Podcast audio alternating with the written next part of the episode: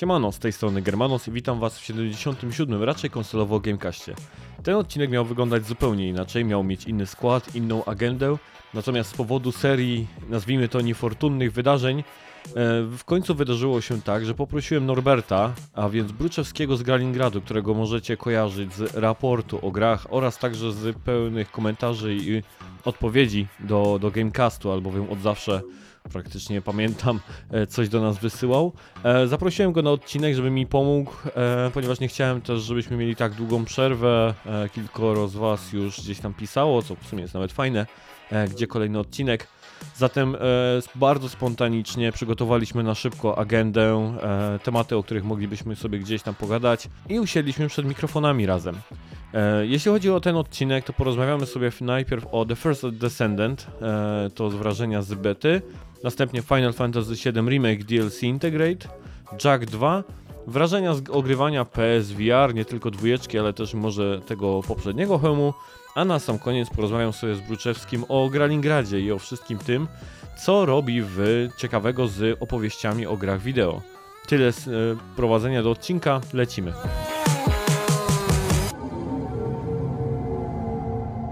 No dobrze, no to jesteśmy. Zgodnie z zapowiedzią, którą gdzieś tam mogliście usłyszeć w intrze, e, jest ze mną dzisiaj niespodziewanie oraz premierowo, można chyba tak powiedzieć, e, Norbert. Siema.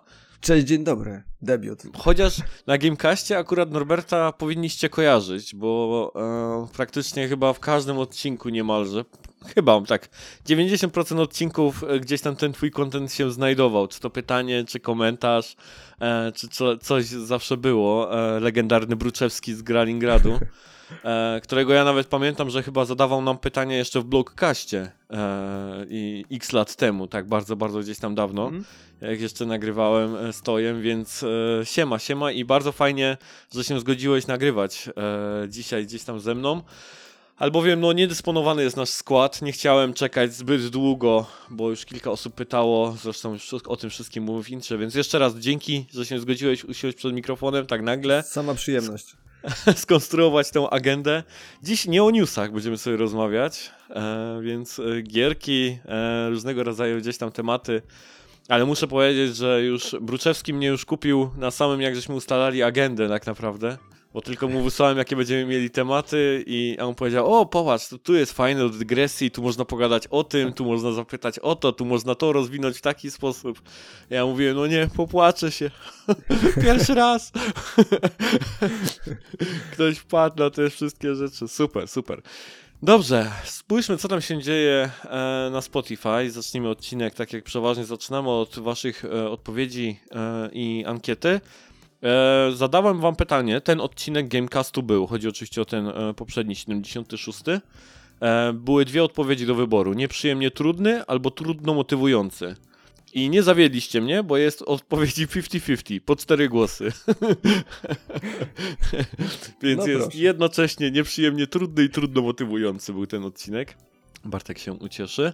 I teraz tak, jeśli chodzi o, o pytanie otwarte, jakie mechaniki i rozgrywki e, są dla Was oszustwem wo, e, gry wobec gracza? I tutaj bardzo ciekawe odpowiedzi. I pierwsze e, od Lukasa. Wybory w dialogach, które nie wpływają kompletnie na z góry ustalony rozwój zdarzeń. Mm, czy ja bym powiedział, że to jest oszustwo? Wiesz co, mi się przeważnie kojarzy w tym momencie, nie wiem czy grałeś w 15 finala. Nie, jeszcze nie. E, Tam generalnie rzecz biorąc były takie e, wybory w dialogach, które były takie po prostu, żeby tylko rozmówkę poprowadzić w jakimś tam ciekawym kierunku, nie? Tam wiesz, w sensie, ale fajny widok Noctis, yy, nieprawdaż, nie? I tam jak się wybrało, że no rzeczywiście fajny, to tam się chłopaki coś tam rozkręcili, a jak powiedział, że widziałem lepsze, no to tam było, wiesz, że o Rezu, a ty zawsze marudzisz. To były takie bantery, takie totalnie nie wpływające ani na ich relacje, ani na, na fabułę, ale tak nie wiem, po prostu dla, dla, dla, dla sprawdzenia interakcji pomiędzy nimi, czy po prostu wyrażenia, czy akurat ma się dobry humor, czy nie. Em, nie wie, nie uważam, żeby to było jakimś takim specjalnym oszustwem, tak przynajmniej tego e, nie odbieram. Nie wiem, Ale jak ty takie wybory w dialogach. co? Od razu jak mi się, jak, jak ten komentarz przeczytałeś, to, to pierwszą myśl jaką miałem, to od razu Heavy Rain. Bo, bo Mhm. ja, nie, ja jestem wśród tych właśnie osób, które e, były rozczarowane mocno właśnie Heavy Rainem pod tym względem, bo tam Mhm. było zapowiadane, że każda decyzja, jaką podejmiesz, to ma wpływ na, na tą historię, a później właśnie jak się przechodziło, to się okazywało, że owszem, jest parę momentów, w których można tam rzeczywiście pozmieniać sobie i, i narobić sobie problemów, jak się złe decyzje podejmie. Ale suma summarum, w dużej części, no to to były tylko taka kosmetyka, która nie miała żadnego znaczenia. I, I to pamiętam właśnie, że to rzeczywiście byłbym w stanie się pod tym podpisać, że dla mnie to jest oszustwo, jeżeli akurat na przykład tutaj też w ogóle promujemy grę takim Mhm. hasłem, że całkowicie kreujesz swoją historię, a się okazuje, że to twój wpływ jest jakiś tam ograniczony mocno. Więc w takim przypadku, jeżeli Tak. ktoś by rzeczywiście, wiesz, na tym budował e, Mhm. przekaz o grze, a później się okazywałoby, że możesz oczywiście jakąś kosmetyczne, drobne detale sobie zmieniać, ale główną oś fabularną masz już wyznaczoną i cokolwiek nie zrobisz, to ona się tak potoczy, no to tutaj bym rzeczywiście się podpiął pod ten komentarz, że to jest jako oszustwo. Zdecydowanie, bo Heavy Rain był na, na, działał na takiej zasadzie, że to trochę tak, że wszyscy zaczynaliśmy w tym samym punkcie, potem te ścieżki się rozchodziły i faktycznie ten środek mógł być diametralnie inny u różnych gdzieś tam osób, ale końcówka zawsze się spinała do identycznej dla, dla wszystkich, nie? To chyba tak gdzieś tam, nie będziemy oczywiście zdradzać e, co i jak w Heavy Rain, może ktoś jeszcze nie grał, a w tego rodzaju grach, znając od, odpowiedź końcową, no to to jest tak jakby już znać grę, nie? E, Dokładnie. tego Psuje całą zabawę. psuje całą zabawę. Em, to jest ciekawa odpowiedź właśnie. I w ogóle o niej nie myśl, pomyślałem, kiedy o tym gadaliśmy z Anią e, i, i z Bartkiem. Skalowanie poziomu doświadczenia przeciwników do gracza. I to muszę powiedzieć, że tak się nad tym zastanawiałem, czy właśnie to jest dla mnie oszustwo, czy nie, czy, yy, bo to przeważnie w JRPG-ach różnie e, do tego podchodzą, nie? Niektóre są takie, że faktycznie skalują tych wrogów tak, żeby cały czas gdzieś tam mieć wyzwanie, e, a znowu są takie JRPG, które ewidentnie po prostu są lokacje, gdzie są silniejsi przeciwnicy, gdzie są zawsze łatwiejsi i choćby się tam wróciło w jakimkolwiek momencie, to się nic tam jakby gdzieś tam nie zmieni. Um, i w, znowu tak jakby mam problemy, żeby nazwać to oszustwem, a bardziej tak, że no faktycznie rozumiem graczy, którzy mają bardziej wolą jedno podejście albo drugie. Bo ja pamiętam, że Colin Moriarty zawsze gdzieś tam opowiadał o tego rodzaju, że on na przykład bardzo nie lubi skalowania, bo jedną z takich jego zalet JRPG-ów jest to, że można przygrindować i być silniejszym po prostu, nie? A tutaj tak naprawdę no nie da się tego zrobić tak, e, tak, tak, tak do końca, nie? Że nie można się po prostu gdzieś tam wymaksować, znaleźć jakąś e, jakiś loch, jakiś pokój, gdzie można expa nabić niesamowicie dużo i potem mieć łatwiej w całej grze. E, tak, się, tak się gdzieś tam po prostu nie dzieje. A więc, e, ale rozumiem, jeżeli, że dla kogoś może to być oszustwo, nie? Nie wiem, czy ty masz jakiś tak predefi- predefiniowany styl, który tobie się e, podoba bardziej. Wiesz co, no zdecydowanie wolę tą, tą opcję, że możesz gdzieś przygrindować i, i później właśnie czuć się, czuć się mocniejszy, bo, bo chyba najbardziej mi bawi ten przykład, bo to bodajże też kojarzę, że to jest w Elder Scrollsach ten problem z tym, z tym skalowalnym właśnie poziomem i tam ktoś fajny przykład podawał, że gdziekolwiek nie pójdziesz, to szczur może cię zabić, bo, bo, bo on cały czas jakby rośnie w siłę z tobą, nie? I tu napierdzielasz się z Mhm. najlepszymi przeciwnikami już w grze, coś takiego, ale źle jakoś popełnisz drobny błąd i szczur cię zakatuje, bo on też już podlewelował, nie? Razem z tobą i tak No, to, to, to mi psuje imersję na przykład takie rozwiązanie, więc ja- nie mogę powiedzieć, żeby mi się to podobało, tak samo jak mi się nie podoba to, co wspominałem wtedy w tym komentarzu, który podrzucałem wam do odcinka Tak. o tym e, gumowym AI w a wyścigach. tak, tak, no tak, to, o, o, o to dla mnie to jest podobne wyścigach, no. rozwiązanie. No. to, to jest podobne Mm. rozwiązanie dla mnie, bo to wiesz, nie, nie możesz tak naprawdę, że masz po prostu jakiegoś skilla albo poświęciłeś czas, no to jesteś za to nagrodzony, że jesteś potężny, tylko cały czas musisz to czuć ten oddech jakby przeciwnika na sobie. No to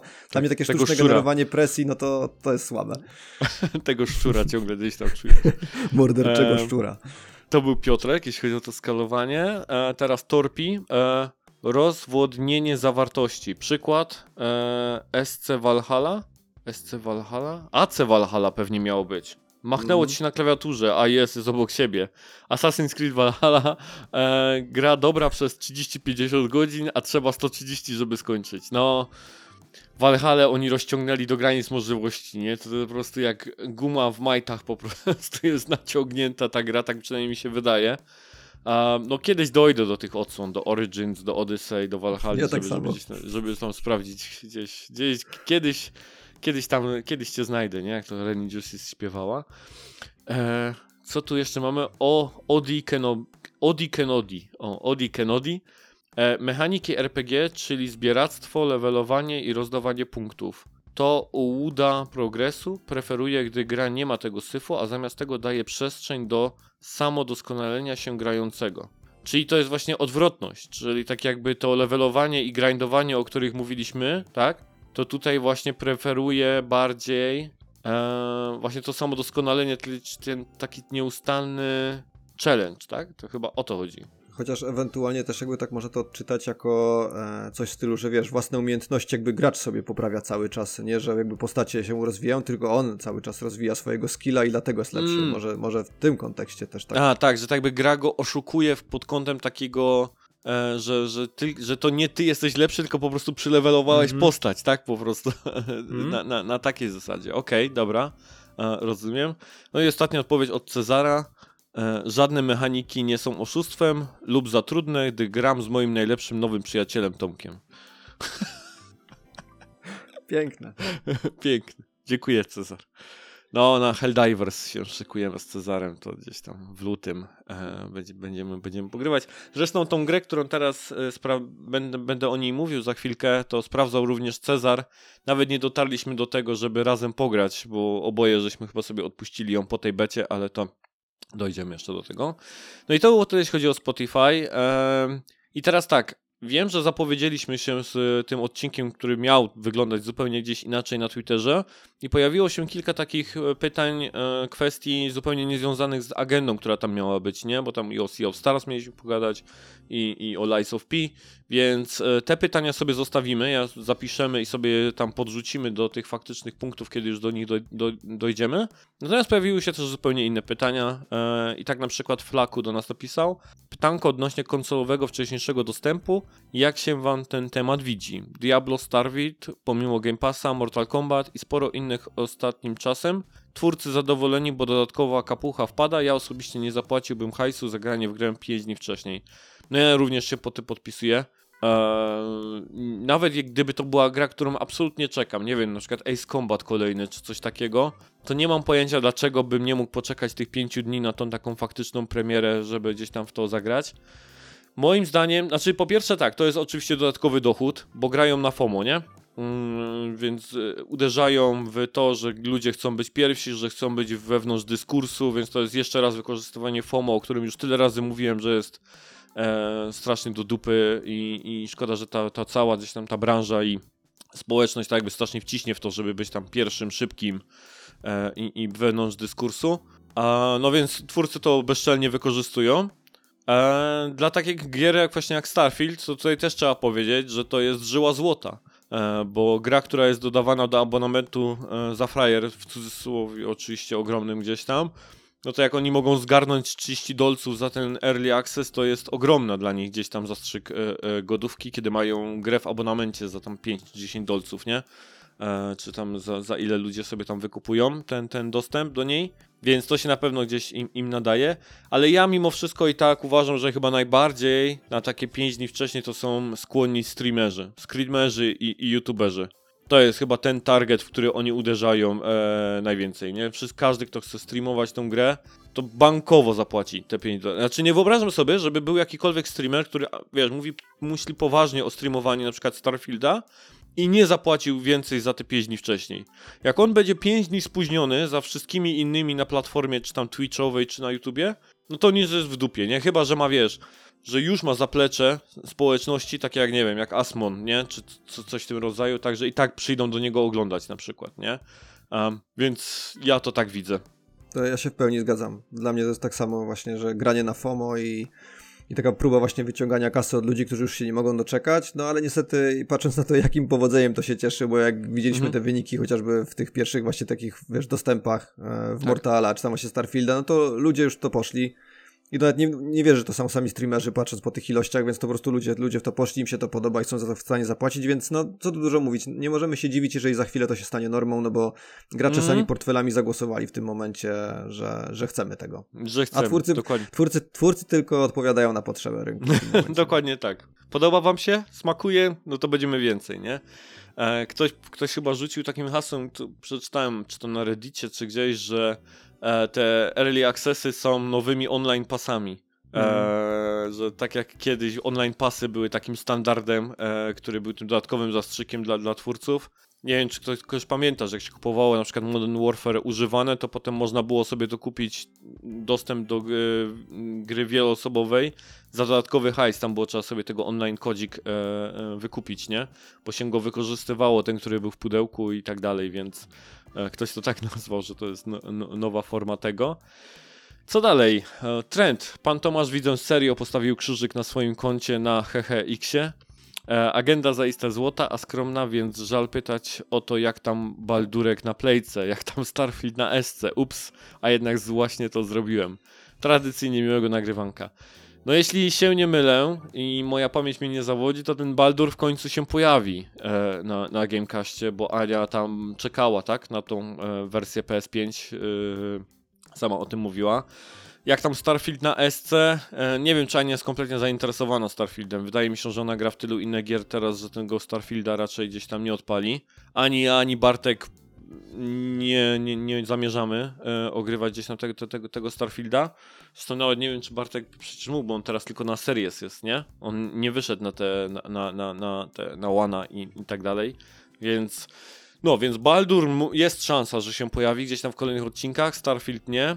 Eee, I chyba tyle. No a tak, jeżeli chodzi o postawienie krzyżyka na koncie, to, to tak i wydaje mi się, że na razie żyje zdrowiej. tak przynajmniej mam, mam, mam wrażenie tutaj. A ty, Baldur Bruczewski? E, pewnie tak, pewnie kiedyś, ale najpierw muszę nadrobić dwie poprzednie. o Jezus Maria, Baldur jedynka i dwójka. No. Wiesz to, to by cię chyba ludzie rozgrzeszyli, że chyba nie musisz. Nie? Ja też lubię jednak te wszystkie gdzieś tam części, ale chociaż kurczę, teraz była kompilacja 1 i 2, nie? Mhm, na, tak, na nowe tak, tak. konsole. No. Była, nie? Tam, bo tam chyba też te- te... Planescape Torment też przecież wrócił. Te Tak, i Neverwinter tych- był chyba w jakiejś tam, tam kolekcji, Mhm. coś takiego. No, były właśnie, też pamiętam, że coś tam się pojawiało takiego. E, Potem Michał o Sea of Stars, tak jak mówię, i o Lies of P, to sobie gdzieś tam zostawimy na ten odcinek, o których te tematy będą. E, I jeszcze Michał, by the way, należy propagować taką polonizację polskich podcastów z ziemi niemieckiej do Polski, ewentualnie kaszubskiej. no tak, tak.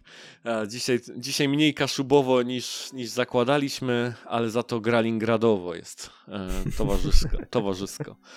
Dobrze, to tyle jeśli chodzi o rozgrzewkę. Możemy przechodzić do mięska, czyli do gier, które ogrywaliśmy. I ja szybko teraz opowiem o grze, w której spędziłem właściwie dwie godzinki. Chodzi tutaj o The First Descendant. Była otwarta beta z dostępem dla każdego. Ona w ogóle trwa do 25. Więc jak ten odcinek wpada, dzisiaj mamy 24, może jeszcze możecie w nią zagrać. Bo to nie wiem, czy oni ją wyłączą rano 25, czy do końca dnia będzie gdzieś tam e, dostępna ta, ta beta. No ale sprawdziłem z tego powodu, że na tym planowanym odcinku Ania miała mieć dwie gry swoje. Chciałem po prostu coś mieć między nimi, tak jakby nie miałem wtedy czasu, to miało być już tydzień temu, e, żeby coś nowego rozpocząć, a chciałem coś mieć, żeby Anię coś tam trochę odblokować, żebym nie musiała o jednej i o drugiej grze mówić tak jakby z marszu e, i, i gdzieś tam wskoczyć pomiędzy jej tytuły z, z czymś. No i tak padło na tą betę, skoro się gdzieś tam pojawiła, chyba nawet mi ktoś o niej napisał na PSN-ie.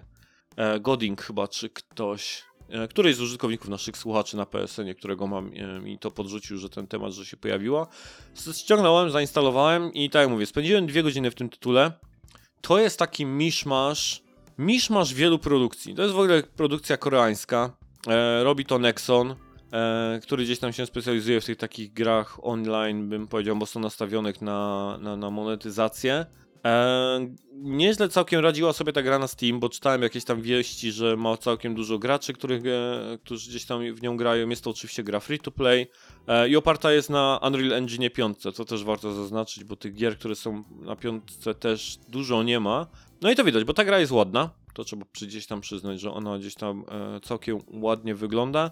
No ale jest takim, to jest e, shooter w trzeciej e, osobie, który dla mnie przypomina takie połączenie Destiny, Titanfalla i Outriders znowu. Te Outriders, powiedział, tu i tam gdzieś tam mi się y, przypominają i tak coraz więcej gier e, tak jakby zaczyna naśladować ten, ten klimat.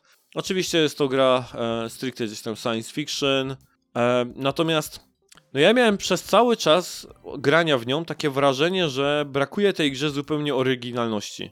Że ona jest tak jakby miszmaszem wielu pomysłów, że trochę... Ja mam o tych grach trochę takie wrażenie, jakby były generowane przez algorytmy AI. Nie wiem, czy to po prostu już jest paranoja z tych wszystkich wiadomości, które wiesz, słyszymy o sztucznej inteligencji e, Bruszewski, czy to po prostu faktycznie gdzieś tam się dzieje, ale trochę mam takie wrażenie, że tak patrzyłem na tą grę i to trochę chyba tu widziałem, to tu widziałem, te ci przeciwnicy strasznie jacyś taki tacy generyczni, te zbroje tych, tych bohaterów też generyczne. Oczywiście jak postać damska, to oczywiście musi mieć kombinezon rozpięty do pępka, nie? Bo przecież nie można iść w walkę tak naprawdę z zapiętym, nie? Tym, tym, tym gdzieś tam... Roz, rozpięty to plus 5 do obrony od razu, wiesz. Tak, plus 5 do obrony, nie? Oczywiście, nie? To, to, tak jak mówię, to jakby generował je po prostu algorytm, nie? Wiesz, co gracze lubią w, w kobiet w postaciach żeńskich z Giverą, nie? No musi być rozpięta do połowy, nie? Sniper Wolf z Metal Geara pierwszego, nie? Mm. No i wiesz, i od tego czasu, od lat 90. i ciągniemy, nie? Tak naprawdę ten temat, wiecznie tak samo ubranych tych wszystkich e, e, postaci żeńskich militarnych. No więc, e, no i ta, ta, ta bani, tak? Ten taki króliczek, też taka zbroja właśnie z tymi uszkami takimi króliczymi. Jedna z postaci, to też chyba już musiałem to gdzieś widzieć. Więc miałem takie nieodparte wrażenie cały czas w tą grając, że gram, wiesz, taką grę free to play, która została wygenerowana przez jakiś algorytm, która jest zbitkiem różnych gdzieś tam pomysłów. No i nie widziałem tak jakby tam nic e, takiego oryginalnego, e, sz, szczerze w tym, nie? Bo nawet ta linka, e, która tam się w tej grze jest, to, no to taka linka Titanfallowa, nie? Którą można w dowolnym momencie o coś zaczepić, albo po niej podciągnąć, albo się zawinąć, nie? Tam jeżeli tam pod kątem się zaczniemy gdzieś tam w coś wciągać. Nie wiem, czy grałeś w Titanfalla albo w, e, w Apexa, nie? Tam tym, tym robotem, Chwilkę on tylko. też miał tą linkę. Mhm. No, ten robot też pamiętam, że miał linkę właśnie, w której można było się tak zawijać wokół jakiejś kolumny, tam jeśli się dobrze człowiek rozpędził. A, yy, jeśli chodzi o fabułę, to coś tam się dzieje, tak jakby była walka pomiędzy jakimiś dwoma rasami, ludźmi i jakimiś tam kosmitami, do tego dołączyła jakaś trzecia rasa, trzecia rasa, czy, czy jakiegoś innego wymiaru, najeźdźcy i tak dalej, więc coś tam się dzieje, ale to znowu wchodzi w ten temat, że to jest gra free to play i to widać, nie? Że tam ta fabuła tak jakby jest zakreślona, nie? Żeby była sobie gdzieś tam daleko w tle, ale nie ma jakichś wyjątkowych głównych postaci, kogoś, kto by to ciągnął na swoich barkach i, e, i tak dalej, więc to jest typowa gra free to play, zresztą już te mechaniki, który, na których ta gra będzie bazować widać w tej becie. Bo to jest kustomizacja. Co w sumie jest spoko, że generalnie chyba cała reszta będzie dostępna dla wszystkich i każdy gracz będzie mógł ze sobą gdzieś tam szpilać, e, przynajmniej tak mam wrażenie. No natomiast już w becie było można zdobywać kolorki, kolor każdej części, skiny osobne, nie? Nawet jeżeli nasza postać wygląda, ma, jej ubiór jest, nie wiem, ta zbroja wygląda dokładnie jakiś tam jeden sposób, e, fani Destiny na przykład poznają taką postać jak Shanks, nie? Jest w Destiny, to jest taki gościu z takim hełmem, który ma takie rogi jak byk. E, ten jeden hełm jest gdzieś tam ułamany. Jedna z tych postaci, którą ja grałem, Ajax, wygląda dokładnie tak samo. To jest gościu w ogromnej zbroi z tymi, z tymi rogami tamtego byka. E, no i skin dla niego wygląda tak, że zupełnie ta zbroja się zmienia, nie? Tak całkowicie, tak zupełnie nie do poznania, nie? Więc są skiny, skiny legendarne, skiny epickie, tak dalej, więc e, pełna kustomizacja i na tym będą pewnie gdzieś tam ten hajs e, e, robić, więc suma summarum podsumowując, no po prostu nie dla mnie, nie? To, to, no, ja nie potrzebuję gry, w której mogę grać wiecznie. Ja potrzebuję grę, którą, która się kończy i to kończy się niezbyt długo, więc to, to, to jest coś, czego zupełnie nie szukam. No ale z drugiej strony jest tak myślę, Bruczewski, że mówimy o tych grach, ile kosztują, że co będą coraz droższe i tak dalej. Może dla kogoś to będzie jakieś tam rozwiązanie, nie? Żeby sobie gdzieś tam postrzelać, dobrze spędzić czas wieczór ze znajomymi i niekoniecznie gdzieś tam powiedzmy na przykład dużo hajsów to pakować, tak?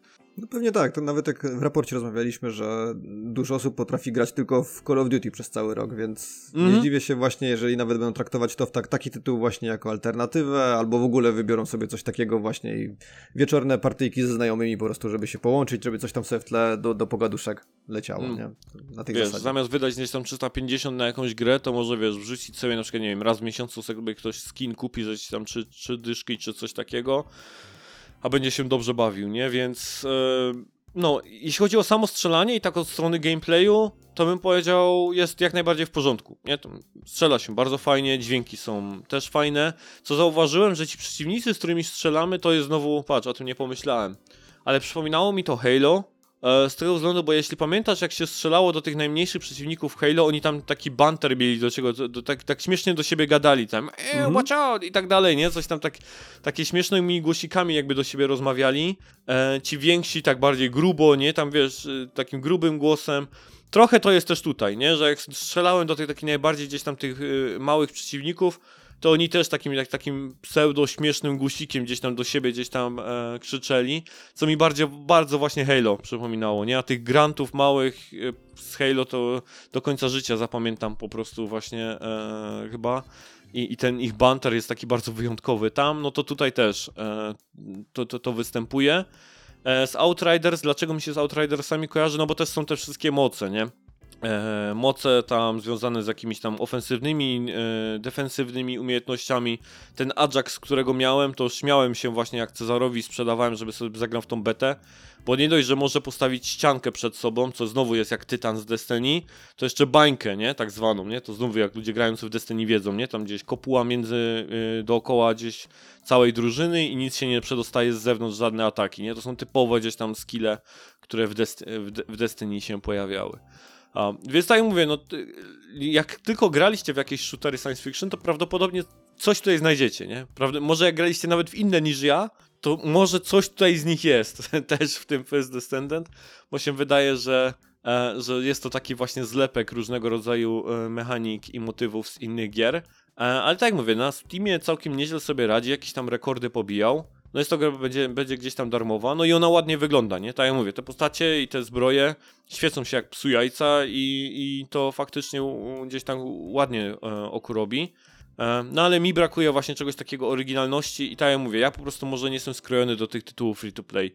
Bo jeżeli wiesz, mnie fabuła jakby gdzieś tam wiesz, nie łapie od razu i, i tak gdzieś tam mocno trzyma jakimiś silnymi charakterami i tak dalej, to ja po prostu tracę zainteresowanie grą, nie? Więc, więc to tyle, jeśli chyba byłoby o ten First Descendant. E, nie wiem, czy dotarłeś, tobie... powiedz, dotarłeś No. do tam, bo widziałem na kilku materiałach z tego właśnie, że tam są na przykład, tylko nie wiem, czy to są bossowie, czy to są zwykli przeciwnicy, tacy wielkich rozmiarów, to oni mi się z pankierami, jak z pankierami Tak, miałem od razu tam... Właśnie, no i Mhm. e, ja miałem taką fortecę, taką krączącą na takich czterech nogach e, i tam była taka fajna mechanika znowu, że e, można było się linką tak jakby zaczepić o jakąś z jego części, najpierw ją oderwać z niego, tak jakby tą linkę ciągnąć, Mm. a potem tak jakby tą linką się na niego dostać i tam zadawać mu krytyczne obrażenia, nie? W to jedno miejsce tam i tak dalej. E, on nas próbował zrzucić, my mogliśmy się tak jakby trzymać niego, nie? Więc e, to znowu jest, nie? Coś z na przykład tam Monster Huntera, tak? I tych wszystkich gry typu, gdzie, gdzie, gdzie smoki ubijamy i też możemy się ich złapać, trzymać, musimy tam w odpowiednim momencie coś naciskać, żeby się dalej na nim trzymać. E, no, więc to też, też tam jest wzięte. Więc tak jak mówię, nie? To, to działa, nie? Tak jakby ktoś nie miał faktycznie w co grać i, i widzi tą grę gdzieś tam zupełnie za darmo, to prawdopodobnie nawet może się nieźle bawić tutaj. E, czy tam sam gdzieś, czy z znajomymi. E, też jest taki seamless online, to znaczy trafiamy na przykład na mapkę, na której mamy questa do zrobienia, ale widzimy innych graczy, którzy po prostu biegają po świecie i robią swoje, nie? E, I na przykład ja, ja nie wiem jak to dokładnie działa, ale ja na przykład nie zapraszałem randomowych graczy do mnie, ale w pewnym momencie się po prostu losowo do mnie dołączali, nie? Że wiesz, robiłem sobie tam jakąś walkę z jakimiś tam falami przeciwników i nagle po prostu, że joined squad, nie? Ktoś tam po prostu dołączył i, i tam razem ze mną gdzieś tego, te, tego, tego, tego, e, tą misję gdzieś tam wykonywał. E, więc trochę jak w Destiny też jest, nie? Że ciągle tych graczy widzisz na tych mapach i dopiero jak przechodzisz w jakiś tam taki quest fabularny, to znikasz z mapy, nie? E, tutaj prawdopodobnie gdzieś to będzie podobnie e, e, rozwiązane. No. Dobrze, to to by było tyle, jeśli chodzi o The First Descendant. I teraz możemy przejść do czegoś, co ty wrzuciłeś, e, Bruczewski, na, na odcinek, a więc Final Fantasy VII Remake, ale nie będziemy o samej grze mówić, chociaż może troszeczkę gdzieś tam zahaczymy, ale o sam dodatek, czyli on się nazywa Integrate, tak? E, właśnie tak, tylko ta Integrate to jest chyba wersja w ogóle na Playaka 5, a sam ten dodatek to jest Episode Intermission, coś takiego, jeżeli A, dobrze, tak, dobrze do- kojarzę. To jest... Okej, tak, masz rację, on jest Intermission, a Integrate to, to jest sam ten, cała wersja, nie? Która była tak, gdzieś tam na... na piątkę, nie? Przygotowana Na piątkę. właśnie typowo. No, więc jeśli chodzi o samą grę, to tam sobie sprawdziłem na OpenCritic, 95% krytyków e, poleca, e, bo zacząłem co bardziej patrzeć na OpenCritic niż na meta, wiesz, tak, tak sz- szczerze. E, no i na Open Criticu jako Mighty oznaczone 88 e, wśród ogólnych gdzieś tam ocen, 95 krytyków. No remake solidny był. No i pytanie jak to DLC, czy, czy gdzieś tam dorównuje, czy, czy, czy nawet przewyższa, a może po prostu nie udało się. No jestem ciekaw. No to e, powiem ci, że może zarysuję najpierw kontekst cały, bo to właśnie tak ciekawy dla mnie jest ten, e, ten intermission był e, to, że on się pojawił w ogóle, wiesz, jako, jako tylko ekskluzywne na Playaku 5, no to dla mnie był taki jeden z dużych, głównych argumentów, dlaczego w ogóle tego Playaka 5 warto zainwestować w tych pierwszych latach, No. takie, bo, bo jak się człowiek wkręcił w ten remake e, i tam się Mhm. tak spodobało mi, bo według mnie on jest świetnie przygotowany i ta możliwość odwiedzenia Midgaru była niesamowita po tylu latach w tej nowej oprawie. Tak czekałem właśnie, że, że ten dodatek nagły, ta dodatkowa jakaś poboczna historia Yuffie, no to, to stwierdziłem, że wow, coś niesamowitego. I teraz tak, e, ta moja perspektywa, z której będę to opisywał, to jest z jednej strony takie zdarzenie, bo, bo długo wyczekiwane coś do, do ogrania, a z drugiej też właśnie wiesz, e, to, to że były, były te oczekiwania dość duże i przez to mogę być trochę bardziej krytyczny niż powinienem w stosunku do tego dodatku, ale to, Okej. więc to takie, takie wiesz. E, Mhm. I inna sprawa, że tak e, z ciekawości też spojrzałem, to teraz nagrywamy 77 odcinek Gamecastu Tak. i pogadamy o Finalu 7, więc prawie Lucky 7 nam tutaj wyszło. to, to nie jest przypadek, No, mam no, wrażenie. no. Faktycznie jest się- coś w tym. Tak jest, Lucky Seven, no. A ja w ogóle zapomniałem, że tam pamiętam był ten miszmasz z tym DLC, e, że on był tylko na piątkę ten dodatek. E, zupełnie Mhm. to e, ominąłem. Ja też pamiętam, że tam była jakaś draka z tym DLC. E, odnosiliśmy się do tego z Bartkiem, pamiętam, chyba na Gamecastie jeszcze wtedy, kiedy ludzie się czepiali, że w plusie był remake i do tych wersji z plusa nie można było chyba zainstalować tego dodatku, czy, czy co, coś takiego było, nie? Że Tak, oni tak zamieszali okrutnie z tym. Ja powiem ci, że sam byłem e, mocno tutaj już skonfundowany, jak to zrobić, bo wiesz, e, ja mam e, pudełkową wersję na Playa 4 remake'u, więc Tak. e, okej, no to włożyłem go, tą płytę do piątki, tam zainstalowało się i teraz zastanawiam się, co dalej, tak? Więc Mhm. okazało się, że e, mogłem sobie za, za darmo właśnie z tej płytowej po, podwyższyć do tej wersji Integrate do piątki, ale już dodatek e, no normalnie płatny, tak? Bo on chyba w żadnej Tak. wersji nie był, nie był dawany za darmo. Chyba, że jak się Mhm. kupiło po prostu tego Integrate'a całościowo, no to wtedy się miało jakby ten epizod intermission e, już w, w pakiecie. A właśnie, a to chyba jest tak, że właśnie jeżeli ty masz płytkę tak samo jak ja, to prawnie. E... Hmm, jak to było, że ten dodatek wtedy nam się ściągał e, za darmo? Coś byli poszkodowani ci, którzy mieli tego remake'a z plusa, bo coś Mhm. tam było, że Square Enix coś zamieszał, tego teraz nie potrafię sobie przy- przypomnieć o co tam dokładnie chodziło. Czy oni nie, nie było- mogli upgrade'ować Mhm. do tego Integrate'a, e, chyba tą wersję? Coś chyba tak to wyglądało. To przez to... było tak, tak zamieszane No. właśnie z tym, że, że oni też w ogóle do tego dodatku był ten dostęp chyba utrudniony, jeśli ja dobrze pamiętam, przez Tak. to wszystko jakoś Coś tak tam było właśnie tak zamieszane z tym Mm. wersją tą PS4, która była w plusie gdzieś tam dodawana. Ale teraz wiesz, nie wchodząc gdzieś tam w, to, w, to, w te szczegóły, porozmawiajmy gdzieś tam o samym intermission, jak się ten dodatek e, wygląda. Powiedz mi, czy ty jesteś w stanie w ogóle o nim mówić, nie spoilując siódemki, Tak. czy on jest... E, Mm, Tak, tak, tak. Bez, bez Okej. problemu, bo, bo powiem, Mhm. e, od razu mogę tutaj dodać, że to jest jakby całkowicie poboczna historia e, tej dodana, która nie zadziała się jakby w oryginalnej siódemce i ona też e, tylko nawiązuje jakby, że, że może tak, inaczej. Chronologicznie akcja się dzieje w tym samym momencie, w którym my śledziliśmy wydarzenia e, z Cloudem w, w Midgarze. e, W siódemce, okej. czyli sam początek Mhm. jakby Final Fantasy. I to jest jakby pokazane, że alternatywnie w tym samym czasie, o czym nie wiedzieliśmy do tej pory, e, w mieście pojawia się Yuffie ze swoją tam misją. I ona, ona tam trafia, jakby wysłana przez, przez Wutaj, żeby wykraść jakąś super niesamowitą materię od Shinry. I to jest jakby taki, Mhm. wiesz, punkt wyjściowy, w którym ona się w ogóle, w którym pojawia i właśnie co się tam ma dziać, jakby całe takie napędzające, napędzające całą akcję tej, te, te Mhm. wydarzenia. E, Więc od tego, od tego startujemy i tutaj twórcy nawet to sprytnie zrobili e, z tej perspektywy, że obserwujemy te wydarzenia właśnie z perspektywy Yuffie i mamy takie małe przebitki tego, co się tam dzieje właśnie jakby w tle z tym, co, mog- co mogliśmy brać udział w remake'u i w oryginale Okej, Final okej. 7. Mhm. Ale wiesz, to są tylko takie właśnie małe wsady, tam ktoś tam ci gdzieś mignie, tutaj jakieś postaci się pojawią, tutaj coś usłyszymy, jakiś dialog, którego no- nominalnie nie mogliśmy usłyszeć, bo wtedy na przykład byliśmy z Cloudem w ogóle w innej części. Więc to są takie, wiesz, Mhm. takie małe smaczki, które na pewno dodają jako atut, Tak. te, że warto ograć tego, ten epizod Intermission, ale to są, wiesz, to są takie małe drobnostki tak naprawdę, które, które na pewno fajnie, plus duży dla mnie, z mojej perspektywy dla autorów jest za to, że oni próbują poszerzać to uniwersum Finala, bo Mm, bo ono jest ogromne i na pewno wszystkiego się nie udało pokazać w jakimś tam momencie tego, jak był utworzony oryginał, czy nawet w tym remake'u. Więc to jest super, że, że oni w tą stronę idą.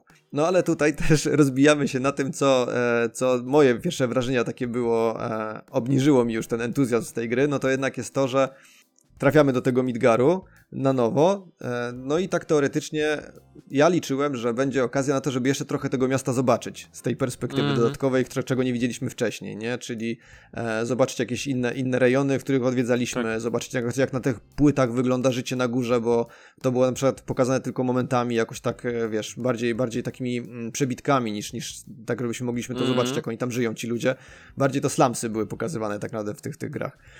No ale jak się okazuje, ten epizod intermission to jest w dużej części e, z tego, co na razie ograłem, recykling e, tych, tych okay. treści, które już widzieliśmy, więc e, nawet nie, nie pokusili się autorzy specjalnie tutaj o jakieś nowe obszary dla nas, tylko wrzucają nas po prostu nową postacią, jakieś dodatkowe małe sidequesty, ale, ale cały czas biegamy po tym, po czym już biegaliśmy przy okazji remake'u. Mm, szkoda, no. Więc to jest, to jest, to jest trochę, to jest trochę, trochę in minus, bo nawet jeśli wiesz, nawet jeśli powiedzmy jakieś małe, drobne przestrzenie się pojawiają nowe, no to one wszystko są utrzymane w scenerii, która już była E, w tym remake'u pokazywana. Więc to nie mhm. są żadne jakieś takie nowe rzeczy, które, które by pozwoliły się pozachwycać tym, jaki ten Midgar jest zaawansowany technologicznie i niesamowity i wiesz, bo samo miasto dla mnie jest jednym z, naj, z najfajniejszych jakichś takich projektów, jakie, jakie w ogóle powstały w grach i i bardzo się ucieszyłem chociażby z tego względu, że właśnie ten remake był podzielony na te trzy części, czy tam ma być podzielony na trzy części, bo zobaczymy, tak. czy, czy, rzeczywiście to Square wyjdzie.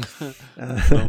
ale, ale podobała mi się ta wizja właśnie tego, że pierwszą część mieliśmy spędzić tylko w Midgarze, no bo wiesz, ta, ta wizja tego rozciągnięcia tego miasta na 20-30 godzin, no to mi grała na wyobraźnię, bo, bo mówię, ten projekt zobaczyć jakoś, zagłębić się w to miasto, jak ono funkcjonuje, mm. jak ono wygląda i jak się w nim żyje, to jest dla mnie coś niesamowitego, więc tutaj bardzo się cieszyłem z tego, co oferował pod tym względem remake. No epizod Intermission już tak bardzo nie pozwala się nasycić dodatkowo, więc to jest taki, takie małe okay. ciasteczko w tym względzie, a nie jakieś dodatkowe danie, którym, którym by się można było tutaj zachwycać, że to jest coś, e, coś niesamowitego. E, no pewno na plus e, wypada tutaj oprawa. To muszę przyznać, bo chociaż e, zrobili ten recykling treści rzeczywiście pod tym względem lokacji, to na przykład już animacje Yuffie i cutscenki, które przygotowali, no to jest mhm. wow, coś niesamowitego i jak widzieliśmy mm -hmm. te mhm. materiały z Rebirfa, jak to się będzie przygotowywać, wiesz, prezentować ta, ta nowa tak. część, no to tutaj jest takie, takie ładne, ładna przystawka do tego, jak to może wyglądać, bo już chociażby bez spoilerów, że mówiąc, ale niektórzy bossowie jak się pojawiają, to wow, albo e, e, tutaj w tym przypadku mamy mhm. samony, tak, no to samony chociażby też jak są, no to robią niesamowite wrażenie w walkach, więc wyobraźnia pracuje do tego, co mogą nam dowieść dalej, skoro już tutaj przygotowali, a pracowali przy takiej wersji pomiędzy Playakiem czwórką a piątką i ten, wiadomo, że nie, nie mieli jeszcze jakoś super tam tutaj podkręconego tego silnika i w ogóle Ale tych wszystkich rzeczy. To więc... masz taki zauważalną mhm. poprawę gdzieś tam, albo takie jakieś smaczki, które wyglądają lepiej niż ta wersja PS4 e, tego remake'u tutaj? Wiesz, tak, tak mi się wydaje, że w tych momentach, w których właśnie są e, tak typowo pokazane właśnie jakieś animacje Yuffie zrobione, albo właśnie jakieś takie krótkie cutscenki się pojawiają, czy coś, takie nawet postacie -hmm. jak mhm. się zachowują, to to jest, to wygląda lepiej. W samej mhm. grze tego tak bardzo nie idzie odnotować, no bo mówię, tutaj jest ten właśnie, widać, że obszary są po prostu przeniesione jakby jeden do jednego, więc tutaj może jakieś drobne okay. detale, których tak nie da się wychwycić na pierwszy rzut oka, ale tu bardziej, bardziej ta kwestia tego, że wiesz, w tych momentach, w których oni rzeczywiście chcieli pokazać, co mogą zrobić, no to, to zrobili to, bo to robi niesamowite mm. wrażenie. Że to jest spoko, Ogólnie... nie? Bo wiesz, bo mhm. ten dodatek mm został tak właśnie zamknięty tylko na Playu 5, Mhm. No, prawdopodobnie oczywiście wiemy, że to nie tylko i wyłącznie ta jakby te konieczność wizualna, wiesz, nowego standardu wizualnego, to nie tylko, i tu, nie tylko o tym się mówi przy tego rodzaju decyzjach, no ale też development, tak? Tylko no wyłącznie na jedną platformę, nie trzeba tak gdzieś tam robić e, na więcej. No i też nie, nie ukrywajmy, że Square po prostu chciało zarobić, tak? Na, na przenoszonych gdzieś tam wersjach, albo żeby ludzie jeszcze raz kupili grę, czy tam te, te, te upgrade'y oczywiście, więc e, to też wszystko miało gdzieś na, na, to nas gdzieś e, jako cel. No ale fajnie usłyszeć, że widzisz zauważalne jakieś tam różnice wizualne, nie? To tak trochę uspokaja no, mi się bardzo podobały, mówię. Samo to, że nawet, e, nawet ta postać Yuffie, e, powiem ci szczerze, że na przykład w oryginalnym finalu to jakoś nie, nie, pana, nie pałałem do niej specjalną sympatią, jakoś nie była wśród moich ulubionych postaci ogólnie względem charakterologicznie mm. i właśnie tego, tego, co ona robiła, a tu jest przedstawiona naprawdę w taki sympatyczny, fajny sposób. Dalej taka, wiadomo, trochę roztrzepana, troszkę taka, wiesz, tak. nie, nie do końca zawsze ogarnięta ze wszystkim, ale z drugiej strony posiadająca niemałe umiejętności i, i wiesz, i, i ma, mająca tak trochę pecha, a jednocześnie zawsze potrafiąca wybrnąć z tych trudnych sytuacji. I to jest takie, mm -hmm. takie fajnie połączenie, fajnie zrobione. Oni w ogóle w przypadku tych remake'ów podoba mi się, w jaką stronę idą z tymi postaciami, bo nawet chociażby e, Aerith też jest w ogóle zmieniona e, w stosunku do tego, jak była w oryginale. Mam wrażenie, że troszkę dodali jej życia tak naprawdę, że jest bardziej ludzka w tym wszystkim niż taka, wiesz, taka totalnie jakby z szablonu wycięta postać e, dobrej, dobrej osoby, którą właśnie, Tak, wiesz, tak, takiej, tak, takiej taki. pozytywnej. To tu jest No. tak właśnie fajnie, bardziej po ludzku ona zrobiona i mam wrażenie, że Yuffie też to, też to spotkało, że ona taka nabrała bardziej trochę ludzkich cech w tym wszystkim i, Mhm. i to jest na pewno na duży plus. To jest coś też ciekawe, o czym w ogóle zapomniałem. E, to e, w tym rebirfie pokazywali chociażby w tych zapowiedziach, że tam jest ten motyw synergii tych ataków takich łączonych. Tak, wiem, tak. Ja właśnie ja pamiętam od pierwszych momentów zauważyłem, że okej, dobra, to będzie, to będzie ten kluczowy element walki, który się zmieni, tak jakby, nie? Że te synergie pomiędzy postaciami to będzie coś, prawnie, ten taki tag, jakby tam tag battle, nie? Czy jak to tam e, nazwą. I to już mówisz, że w Właśnie. dodatku już mamy tego zalążki, tak? Tak, tak, dokładnie, bo tam jest właśnie, e, my sterujemy tylko Yuffie w tym dodatku i nawet w walkach, ale ona ma też ze sobą swojego kompana, jakby z e, Wutai e, Solona i on jest Mhm. jakby, on jest na tej samej zasadzie co Red 13 w remake'u, czyli on jest, występuje, walczy, ale nie gra, nie gra się nim, tak, nie możesz się na niego Mhm. przełączyć w każdej chwili. Z jednej strony szkoda, z drugiej no zrozumiałe, no bo dodatek jest o Yuffie.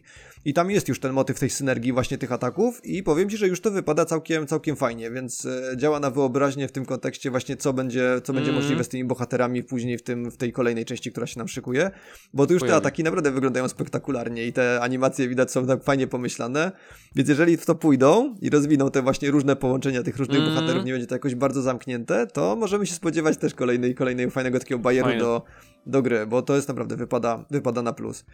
E, I powiem ci co jeszcze takich, z takich rzeczy, które zwróciły moją uwagę w tym, w tym epizod Intermission i które w sumie mi to wyjęło parę godzin, tak, tak z tego dodatkowo, może, może przesadziłem parę godzin, no może godzinkę czy dwie, e, tam dodali minigrę Fort Condor e, z tej, nie wiem czy kojarzysz.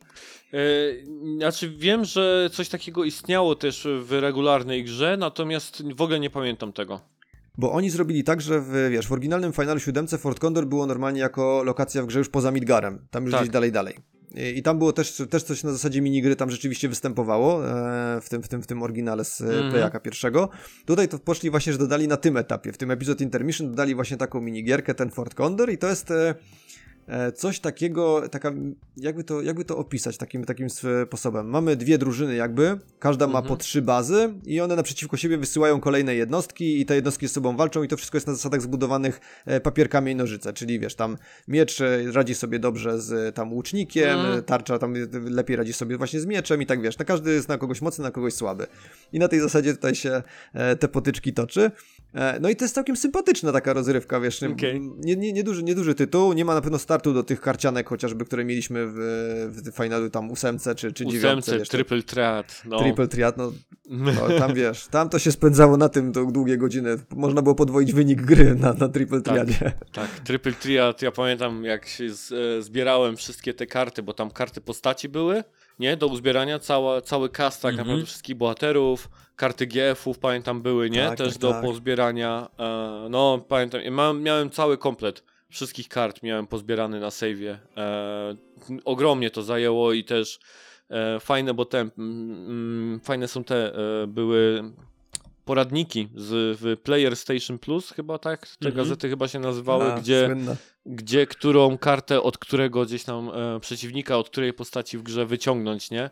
Bo tam nawet było tak, e, że to zupełnie odjechaliśmy, e, że e, w trakcie walki z bossem normalnie było trzeba na przykład go wyciągnąć, jakimś tam draw Tak, chyba tak, był ten, tak. ta komenda, Mhm. gdzie się wyciągało magię i przy okazji tego wyciągnięcia się kartę wyciągało z tego bossa jakiegoś jego tam Mhm. na przykład, więc nawet tego rodzaju rzeczy było trzeba uważać, e, żeby, żeby czegoś nie pominąć. Ale pamiętam, że też potem były takie sytuacje, że albo wyciągnij to od bossa, a jak nie, to potem gdzieś tam jakiś przypadkowy rybak Fisherman Horizon nagle ma tą kartę gdzieś tam w swoim zestawie, nie? Więc Tylko wiesz, kurde, tylko magia tam był jeszcze problem, no ale tam był też problem, nie wiem czy pamiętasz, z tymi właśnie, z tymi właśnie kartami do zdobycia później od takiego rybaka, że rybak to ci mógł sprzedać kartę, ale mógł ci też sprzedać jakieś dziwne zasady, bo one tam się modyfikowały, Tak. bo tam w różnych regionach grano w różne sposoby tego triple triada O, stary, jak to mi się- teraz przypominasz. Ja dokładnie nawet pamiętam te disclaimery, że hej, jak będziecie grali w tym regionie i będzie takie zasady, to nie, nie, nie, nie, nie róbcie potyczki, tak? Nie grajcie, nie? Mhm. Bo oni oszukują, nie? Na przykład, nie? I tak dalej. To Dokładnie. pamiętam... Ale to, to wiesz, to na zasadzie trochę wirusa działało, bo ty później, jak na przykład podłapałeś tą zasadę, do inny region poleciałeś, ty sprzedawałeś to komuś innemu i nagle okazało się, że ktoś inny też gra tymi zasadami. Tam można było tak sobie zepsuć momentami tą, No, tą karciankę, że ona się robiła jakąś, super. wiesz, no niesamowicie dopracowany. No to No. Fort Condor nie ma do tego startu tutaj, to, to trzeba przyznać od razu, bo to jest e, bardzo prosta ta, ta minigierka. To, co mnie w niej najbardziej rozczarowało, to, to to, że przygotowali twórcy w sumie kilka jakichś rodzajów deków, tych jednostek jest dość sporo. E, Ja grałem na normalnym poziomie trudności. Jest jeszcze teoretycznie hard, który może być trudniejszy, ale na tym normalnym poziomie trudności to wyzwania nie było żadnego. Bo Mhm. po prostu każdy przeciwnik, z którym grałem, robił tak, że wystawiał pierwszą jednostkę, no to patrzyłem, jaka to jest jednostka, wystawiałem na nią najlepszą kontrę i później na tej zasadzie już tylko to działało, że wiesz, że ja wystawiałem zaraz kolejne jednostki, które były dobrą kontrą, moje przeważały, dochodziły do jego bazy, eliminowały mu tę bazę i koniec rozgrywki i tak, i wiesz, i szybkie przebicie się i tak, i tak kilka potyczek wygranych w ten sposób, więc Mhm. Tutaj troszkę, troszkę widać, że ten koncept był fajny, ale zabrakło mu chyba takiego do, do, dostatecznego doszlifowania, chociaż z drugiej strony to mówimy cały czas o dodatku i to miała być minigra w dodatku, więc ja też zakładam, że oni się do tego jakoś nie zmużdżali się nad tym Tak, specjalnie tak, tak. tutaj, tylko Pewnie też dodali chcieli, fajny bajer. No. Mhm. Zgadza się. więc, więc na tej zasadzie tutaj wiesz, to... E, A czy To- rozgrywka to- to- Yuffie różni się czymś diametralnie? Znaczy ja wiem, że każda z postaci ma ten swój tak jakby styl, nie? Jeśli chodzi o walkę. Mhm. Zarówno Tifa, Cloud i tak dalej, z nimi się, chociaż nie grałem, ale wiem po prostu, że się nimi inaczej gra, tak jakby ten kombat nimi jest inny. E, jak to wygląda u Yuffie? Też jest zupełnie odmieniony do względem innych Jest. postaci? Tak, tak, tak, jest, jest e, nowinka, ponieważ ona ma tą swoją broń taką, nie wiem jak to nazwać, taki duży shuriken, albo, Tak, tak, tak, albo tak, coś w tak. tym stylu. Mhm. E, no to, e, to wiesz, to ona właśnie może działać, walczyć zarówno na krótkim dystansie, jak i na długim i do tego jeszcze ma te swoje tam różne e, ninjutsu, które są Mhm. jakby powiązane z konkretnymi żywiołami. E, Więc tutaj trzeba właśnie pod tym względem trochę kombinować taktycznie, bo widać, że te starcia są też tak zrobione, żeby, żeby wykorzystywać te moce, czyli wiesz, wy, wykrywać słabości przeciwników i, i właśnie starać się katować ich tym, na co są słabi, plus właśnie kombinować odpowiednio z tym, czyli czasami na krótki dystans, czasami na długi dystans, czasami właśnie tutaj wejść w tą synergię z tym e, drugim bohaterem i zaatakować jakoś, wiesz, tym podwójnym atakiem. Takie rzeczy, więc tutaj to jest ta odrobina taktyki w tym wszystkim, chociaż summa summarum w tych starciach, w których walczyłem na tym właśnie normalnym poziomie trudności, no to też nie było to aż tak wymagające, żeby, żeby trzeba było rzeczywiście Mhm. taktycznie kombinować. To jest, wiesz, to, to na tej zasadzie jest zrobione, że oczywiście możesz i to ci dużo ułatwia, ale z drugiej strony, jeżeli nie, nie zrobisz tego, no to standardową taką, wiesz, walką, że wykorzystywanie podstawowych ataków i czarów, to też sobie poradzisz. Okej. Więc tutaj też, też pod tym względem jest, jest okej. Mhm. Tak, jakbym miał podsumować ogólnie te swoje wrażenia z tego dodatku na początku, no to po tych, po tych kilku godzinach, które tutaj spędziłem, no to e, super jest wrócić do Midgaru i bardzo się cieszę, że oni e, rozwijają ten koncept właśnie, wiesz, tego uniwersum, jakieś takie poboczne historie, które pozwalają poznać czy to bohaterów, czy wydarzenia z nieco innej perspektywy. Ale sam dodatek nie jest też czymś jakimś takim niesamowitym, unikalnym, żeby, żeby od razu przykład mm, stanowić go na tej zasadzie, że musisz go ograć koniecznie przed tym premierą tego, tego Rebirtha. Mm, Moim zdaniem nie ma aż takiej do zapytać, tego no. potrzeby. Więc to jest, to jest bardziej na tej zasadzie, że rzeczywiście e, przyjemnie wrócić, można coś tam zobaczyć, ale to nie, nie zrywa ani kasku graficznie, ani nie oferuje jakichś takich niesamowitych, wiesz, doznań, przeżyć, czy emocji nie wywołuje, e, żeby, żeby pod tym względem, wiesz, tutaj go zachwalać. E, Zastanawiam się tylko, czy oni tam po prostu dalej nie ukryli jakiś, do, jak do tego dojdę jeszcze, wiesz, nie ukryli jakichś może nawiązań, które będą miały przełożenie na tą, na dalej grę. No tego jeszcze nie wiem, może coś Mhm. tam takiego jest, ale na, na razie na ten moment, w którym jestem, no to, to nic takiego się nie wydarzyło. To jest bardziej A, takie okej, czyli totalnie... tego jeszcze nie ukończyłeś go jeszcze, jesteś w trakcie. Nie, nie, tak, jestem w trakcie, dokładnie, więc, Mhm. y, więc możliwe, że wiesz, możliwe, że pod koniec coś się pojawi, ale tak, no to jeżeli, zakładając na razie, że nic się do tej pory nie pojawiło, to może tak nie być, no to w tym momencie to jest bardziej taka, wiesz, bardziej ciekawostka, żeby po prostu sobie jeszcze raz coś tam przeżyć w tym uniwersum, zobaczyć sobie z innej perspektywy, taka ciekawostka po prostu w tym momencie to Mm, jest e, ten Czyli ten jak podobał wam się remake i chcecie więcej Chcecie po prostu, więcej, tak, Dokładnie tak, tak. tak. To, to... A ile on on kosztuje wtedy tak standalone y, do kupienia? E, 89? Właśnie, o, to trochę. To trochę No. kosztuje, nie? To tam stówkę to, to kosztuje. No ale mówisz, że już się w niego bawisz tam kilka godzin, czy cztery, tak?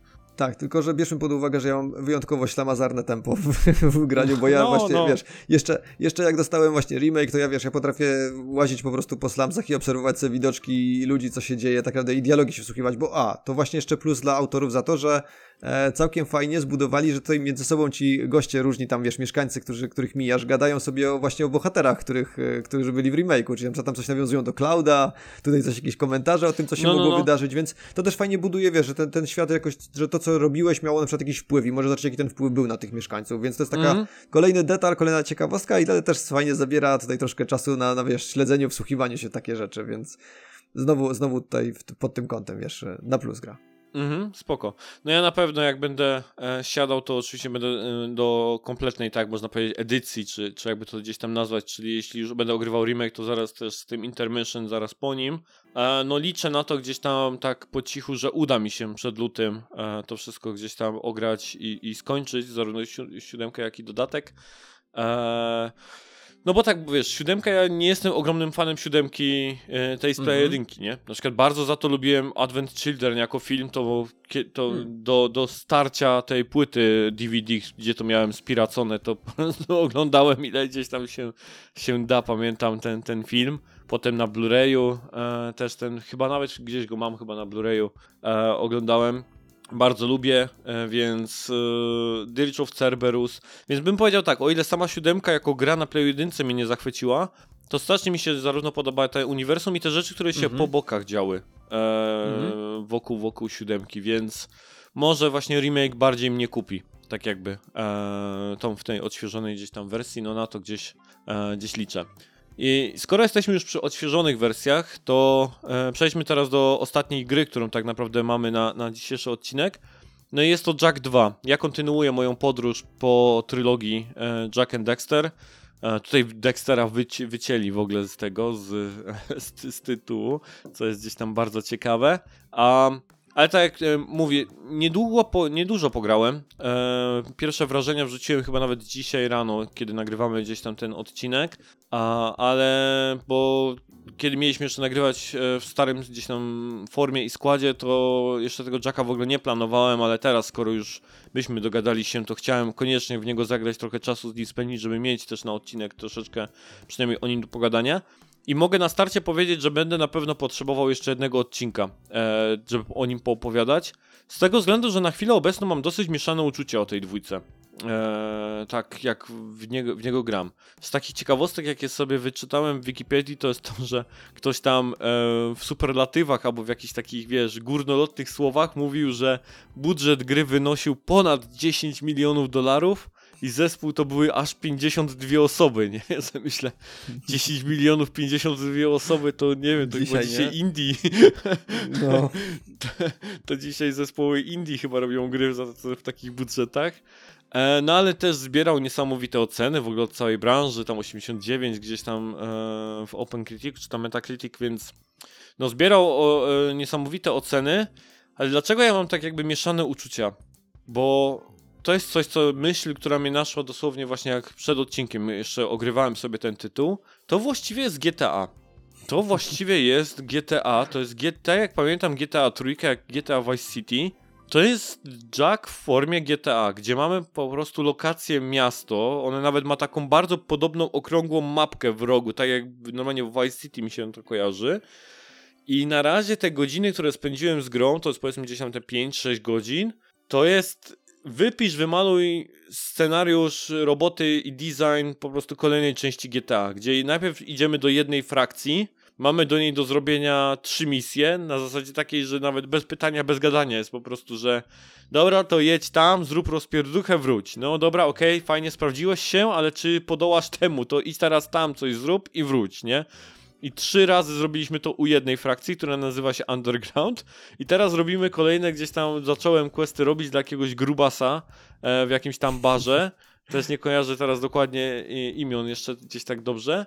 E, natomiast on też, e, aha, on teraz e, chce, żebym był, jak oni to nazywają? Wastelanders, chyba tak się nazywa ta frakcja. I to są goście, którzy wychodzą poza mury tak jakby miasta e, i szukają jakichś dla niego artefaktów, które on potem sprzedaje e, itp. Więc no i on zacząłem robić questy poza murami miasta dla niego, nie? I to też znowu będzie gdzieś tam parę questów. Biega się po mieście, po mieście chodzą sobie ludzie, można porwać samochody, e, co też ja miałem, ja miałem gigantyczny problem z tym, że wiesz, po tej jedynce, gdzie Jack był po prostu takim typowym bohaterem, e, dobrym i wiesz, ratującym miły chłopak świat. z sąsiedztwa, nie? No, no, miły chłopak z sąsiedztwa. Tutaj typ w ogóle, wiesz, zrzuca ludzi ze swoich gdzieś tam jakichś motocykli, gdzieś tam z samochodów latających nad głową. E, w ogóle ja na przykład też się strasznie z tym czułem, nie wiem czy to było widać na tym streamie, jak, jak się w kogoś uderzy zbyt szybko lecąc w powietrzu w inny samochód, on dosłownie wybucha i spada na innych cywilów. I ja wtedy takie po prostu, what the fuck, nie? Przepraszam, nie, nie chciałem, więc mam po prostu taki straszny e, dys, tak, dyskomfort albo po prostu, wiesz, mindfuck, jeśli chodzi o tę produkcję, pomiędzy grając tak szybko w jedynkę i od razu w dwójkę. E, gdzie jest gigantyczny, jest gigantyczna zmiana klimatu, bo jest tutaj, wszystko jest takie szare, brudne, jest... E, humor został zachowany, to trzeba powiedzieć, że tam dużo w cutscenach jest takich śmiesznych kwestii. E, Bóg zapłać, Jack się w końcu od, odzywa, nie? Już nie jest niemową, ale znów, tak jak ty mówisz, że są nawiązania w tym dodatku do tego, co się działo gdzieś tam w remake'u, to tutaj na przykład Daxter tam w cutscenach mówi, że e, spokojnie, spokojnie, nie majcie mu za złe, on do tej pory był niemową, nie? I to jest kwestia dialogowa, nie? Która cię po prostu rozbija zupełnie, nie? Tam, albo w innym, no, w innym przypadku mówi coś w stylu, że no, on jest nowy, jeśli chodzi o te sprawy, wiecie, no, rozmowy. I, I tego rodzaju ten, są ten, więc e, humor został zachowany i fajnie, że tam odnoszą się do tego, że on po prostu niemową był taką straszną gdzieś tam e, w, tej, w tej pierwszej części. No więc e, to takie są rzeczy, które jakby pierwsze moje takie wrażenia z tej gry.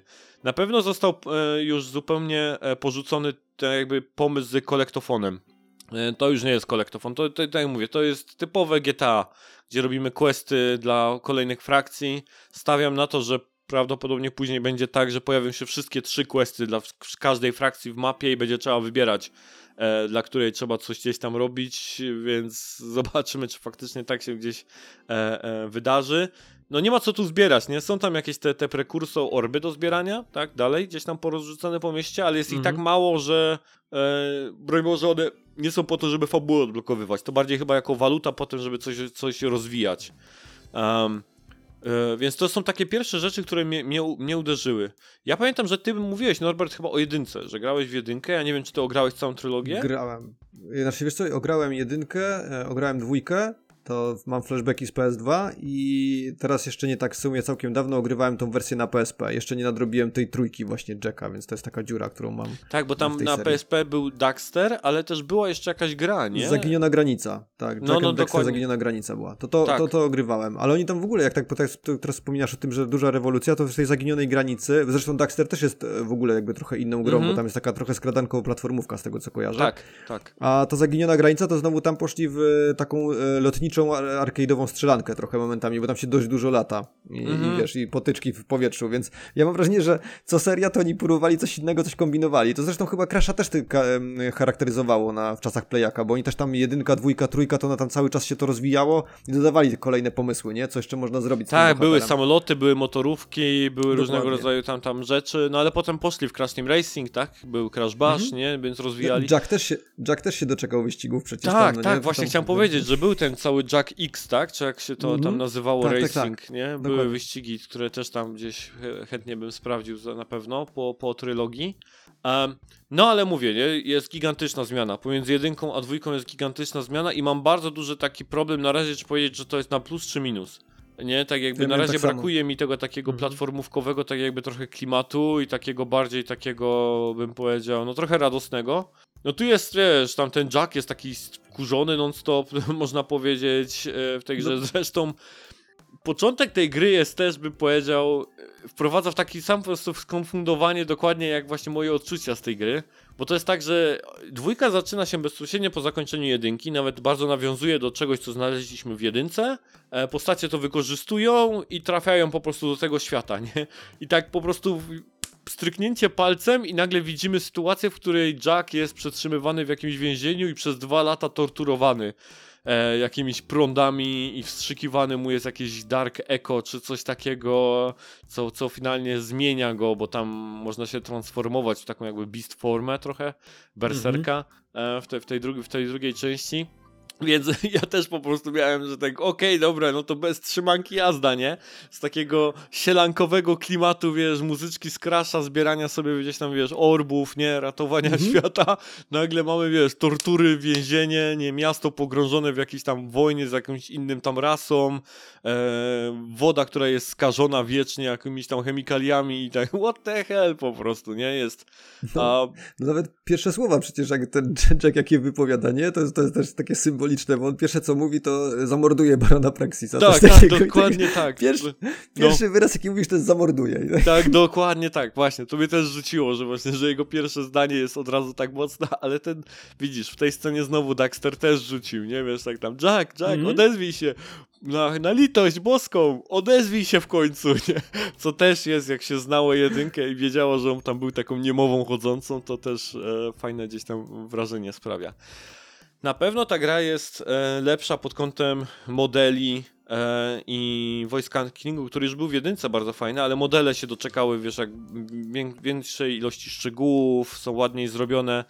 Nawet to było widać po tych postaciach, które były z jedynki, bo tamten taki staruszek mm -hmm. i ta laska, która była w jedynce, przez chwilę w intrze byli znowu i było mm -hmm. bardzo wyraźnie widać, że ich modele są podkręcone, nie? że to nie są już takie poligony sklejone ze sobą, które, żeby wyglądały jak e, jakiś model, tylko faktycznie bardzo ładnie gdzieś tam wykonane e, postacie. E, animacje się też poprawiły, zarówno jeśli chodzi o ruch, o mimikę, tego rodzaju rzeczy, więc wizualne sprawy na pewno poszły w górę. No, a trzeba powiedzieć, że ja już gram w ten remaster HD, nie? Więc. Mhm. E, no ale nawet w tych HD wersjach po prostu widać, że one są, wiesz, tak samo gładkie, tak samo w HD, tylko mają znacznie więcej szczegółów te modele. Otoczenie też jest znacznie bardziej uszczegółowione. Um, jedna rzecz, która mnie strasznie doprowadzała do szału, to jest to, że przez długi czas nie potrafiłem zrozumieć, dlaczego oni zmienili rolkę, e, to znaczy e, koziołkowanie z R1 na L1. Po prostu nie dawałem sobie z tym rady mentalnie. Za każdym razem, kiedy chciałem ją zrobić, to wciskałem R1 i to znowu może tylko i wyłącznie dlatego, że tak szybko gram jedynkę po dwójce. E, prawdopodobnie innym by to nie sprawiało żadnego problemu, żeby się przestawić, bo od czasu pojawienia się jedynki w 2001 roku do dwójki, która była w 2003, e, shootery przeszły na strzelanie na R1. E, I nie wiem, czy to pamiętacie, że kiedyś wszystkie shootery przybliżenie było na L1, a strzelało się R1. Dopiero Halo za sprawą Xboxa e, zaczęło wykorzystywać do tego triggery. A Halo było potem tak popularne, że jakby ten schemat strzelania triggerami się przeniósł po prostu na wszystkie inne produkcje. Choć ja bardzo długo lamentowałem, to też mam teraz takie flashbacki, gdzie myśmy się wkurzali tak naprawdę gdzieś tam z kumplem, że, że zaczynają coraz więcej gry, y, gry na L2R2, e, gdzieś tam te, te strzelanie gdzieś e, pakować. E, no bo to jest mniej ten, intuicyjne, nie? Zero-jedynkowe, tak? Naprawdę L1 i R1 działały natychmiast, nie? Nie było żadnego mhm. tego takiego momentu, nie? Tak jakby tego laga pomiędzy naciśnięciem e, przycisku, no bo triggery działają jak, no nie wiem, pedał gazu, tak? W samochodzie, to chyba tak mhm, można gdzieś najlepiej mhm. opisać. Więc dla nas to było naturalne, pamiętam z kumplem, jak graliśmy dużo w shootery, że L1 i R1 się strzela. No ale Halo e, tak jakby spopularyzowało to właśnie, że strzela się na triggerach. I to potem się rozsiało tak naprawdę po, po gdzieś tam wszystkim. No i właśnie, e, Jack 2, skoro już Jack dostaje spluwę w tej grze, to jest kolejna rzecz, że tam po prostu jest shotgun, z którego można tam strzelać do, e, po mieście. E, naprawdę, GTA, nie? Chodzą policjanci, można jak się do nich strzeli, to jesteśmy gonieni, tam patrole nie? się... Pościgi są. Pościgi nas gdzieś tam, mm -hmm. tam ścigają. Eee, jeszcze tylko mi tych gwiazdek brakuje, nie? Ja mówię, słowo daję, ja po prostu jak tak grałem i mówię, jak mi zaraz zaczną się gwiazdki pojawiać, tam 1, 2, 3, 4, 5, w zależności od tego jak bardzo jestem poszukiwany, to chyba zjadę po prostu tutaj na kanapie, nie? Eee, jak bardzo GTA-owy jest gdzieś, gdzieś tam ten Jack. Więc z tego powodu właśnie na pewno jeszcze o nim poopowiadam na jakimś którymś gdzieś tam gamekaście, jak więcej z nim spędzę czasu, bo na razie nie jestem powiedzieć, czy jestem z tego zadowolony, z tych zmian, czy nie.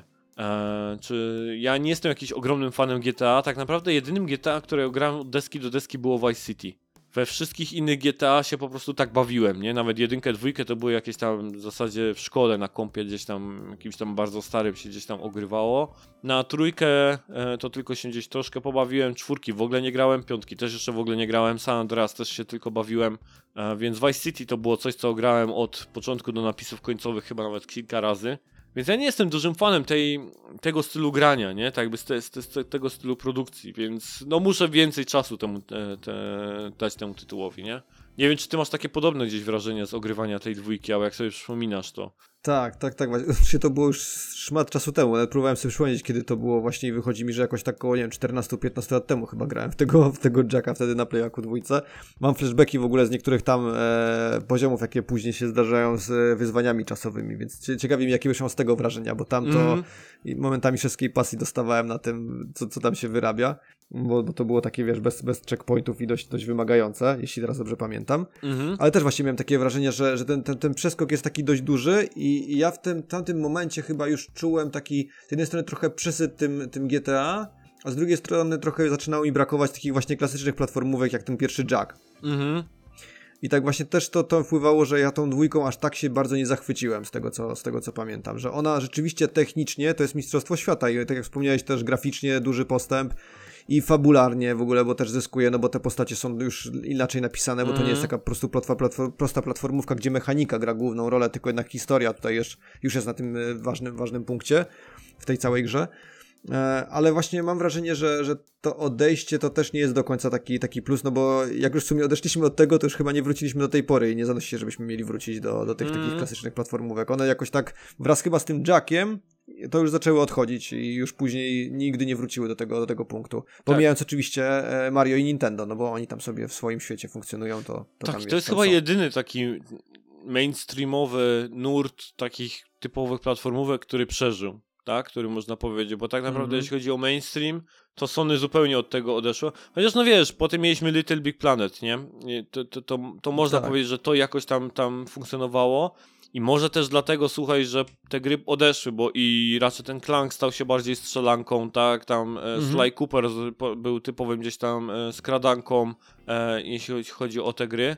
E, choć dalej dużo z platformówki w tym Sly Cooperze było, to też nie można... Właśnie tak, no to prawda, bo Sly Cooper chyba jeszcze też trzymał ten, ten właśnie tą, tą, tą platformówkowość tak. jednak dość mocno, nie? Tak, tak, dokładnie tak, więc ja też tą trylogię ograłem i tam jednak e, Ratchet był typowym takim pseudo-shooterem, można powiedzieć, natomiast Sly... Z pierwszej ze, części w sumie. No, z, ze względu na to, że E, tam nawet jak się skradało, to no, po prostu wszystko się robiło tak fizycznie, tak fizycznie, w sensie postać w grze wszystko wykonywała gdzieś tam bardzo fizycznie, to on dalej jeszcze ten taki trochę takiego ducha platformowego ciągnął, no ale potem to zniknęło. I nawet pamiętam, że taką, takim momentem, w którym sobie chyba wszyscy uzmysłowili, że te gry z maskotkami, nie? Bo to przeważnie tak się mówiło, nie? To ten maskot, e, tam maskot tam adventure, czy tam maskot e, platformer, nie? Tak jakby, e, że one już nie mają racji bytu, to było to, kiedy wyszło pierwsze ukulele.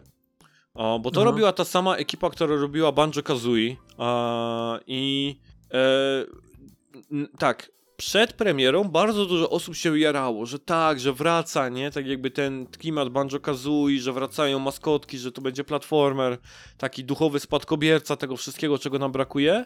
I ta gra wyszła i była dokładnie tym, co można powiedzieć, jeśli chodzi o maskotkowy platformówkę, miała wszystko. I okazało się, że ta forma po prostu już chyba straciła swoją magię. E, bo, bo ludziom się to po prostu nie podobało, nie? Że, że tak jakby, że tam były głosy takie, że jest nudno, że, że, to, że to nie to, że gra, te gry się jakby posunęły do przodu i mam wrażenie, że to był taki punkt, w którym każdy sobie odpuścił e, ten, ten temat maskotek. E, I nawet jeżeli się buduje teraz nowe IP, to, to właśnie to jest na, na Aloy, na wiesz, na, na, na, na, mhm, na Kratosie, tak. na, na Drake'u i na, na dużych jakichś tam, wiesz, w dużych, poważnych rolach i, i, i takich tego rodzaju gdzieś tam produkcjach.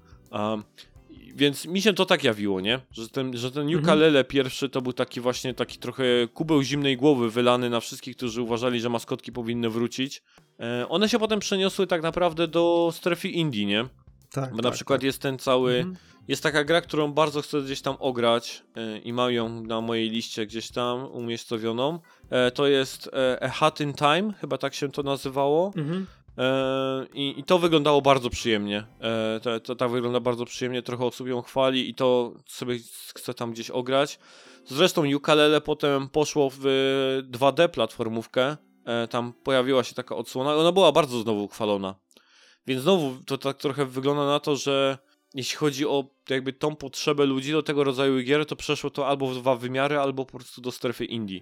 To w sumie też ewolucja, którą Rayman przeszedł chociażby, nie? Bo on też był właśnie, Tak. przeszedł do trójwymiaru, były te dwójka, trójka były w trójwymiarze, Mhm. ale później te ostatnie części takie z Raymanem pełnoprawnym, no to te Legends chyba, Origins, nie? To one były Tak. takie typowo te malowane, piękne 2D tak naprawdę. Tak, świetne były to też w taki- ogóle. No, fantastyczne były te dwa Raymony, więc... No tak jak mówisz, dokładnie tak. Ubisoft prawdopodobnie też poczuł, że ten pociąg tak jakby już od, od, odjechał i, i że tak jakby to już jest coś, co jest za nami i tego rodzaju tak jakby magia teraz jest gdzieś tam w tych 2D produkcjach. Mhm. Mi się to, wiesz co, jeszcze tak spina w sumie, e, jak pamiętam, jak opowiadałeś o pierwszym Jacku, właśnie, że zacząłeś w niego grać i Bartek tak cię dopytywał wtedy, dlaczego, dlaczego w ogóle się zdecydowałeś, po co nadrabiać tego Jacka i tam właśnie takie było, wiesz, że, że tam też e, w sumie sugerował, że tam nie ma za bardzo historii, nie ma za Mhm. bardzo bohaterów, nie ma takich żadnych emocji, żadnych przeżyć, tak naprawdę no, to jest czysta, czysta rozgrywka, tak, tłumaczyłeś to zresztą też tam wtedy, że to jest taka czysta rozrywka, taki fan, taki Mhm. coś prostego, że usiąść właśnie, pozbierać kilka rzeczy, Tak. pozałatwiać paru przeciwników, poskakać sobie, nie na tej zasadzie. I Mhm. tak sobie myślę, że to, to mi się jakoś spina z tym też, e, tą ewolucją Naughty Dog, które właśnie też się działo, właśnie robiło najpierw Crash'e, potem Jacki Tak. i te Jacki właśnie ewoluowały w tych, takich, z takiej prostej platformówki tej pierwszej części do tego właśnie już takiego pseudo GTA w dwójce. I później mamy już odejście całkowicie od takich postaci. Mamy później Uncharted, mamy Last of Us, więc już w ogóle historie, bohaterowie, emocje, jakieś w ogóle poważniejsza atmosfera, więc koniec takiej zabawy, tylko rzeczywiście taka już bardziej filmowość w tym wszystkim. To też jest takie, mam wrażenie, symboliczne w tym Tak. wszystkim. I jakoś mi się to tak spina, że z jednej strony twórcy chcą bardziej takie ambitne dzieła już tworzyć, a z drugiej strony widzę też po, po odbiorcach, nie? Że właśnie nawet Bartek, który dopytuje, no ale po co w to grać? po co grać w taką platformówkę, nie? I to tak właśnie mi się No. rzeczywiście pewnie to tak działa na tej zasadzie, Tak. nie? Że i jedni i drudzy dochodzą Dokładnie do tego wniosku tak, właśnie jak- i odbiorcy i jak twórcy, powiedziałeś no. o tych czasówkach, jak powiedziałeś o tych czasówkach gdzieś tam, które mówię, że ci tam ten, to właśnie to jest kolejna taka sprawa, że niektóre te wyzwania tutaj są naprawdę trudne. Eee, tam, ja miałem na przykład problem, żeby się dojechać z jednego punktu mapy na drugi, tam e, zupełnie nie czaiłem tak naprawdę jak ominąć patrole policyjne, nie? Tak jakby, wiesz, bo tam jak e, zaczną wszyscy do ciebie strzelać i ten, to potem bardzo szybko jest w stanie gdzieś tam gra cię, cię, cię ubić. Więc z tym miałem na pewno taki spory problem. Tam też taki był segment e, z czołgiem, że gonił cię tak jakby czołg po takiej fabryce i wyglądało to w ten sposób, że widziałeś gdzie on celuje, taki celownik był i musiałeś omijać te jego gdzieś tam strzały i tak dalej. Też mi to trochę tak jakby y, sprawiło gdzieś tam trudności.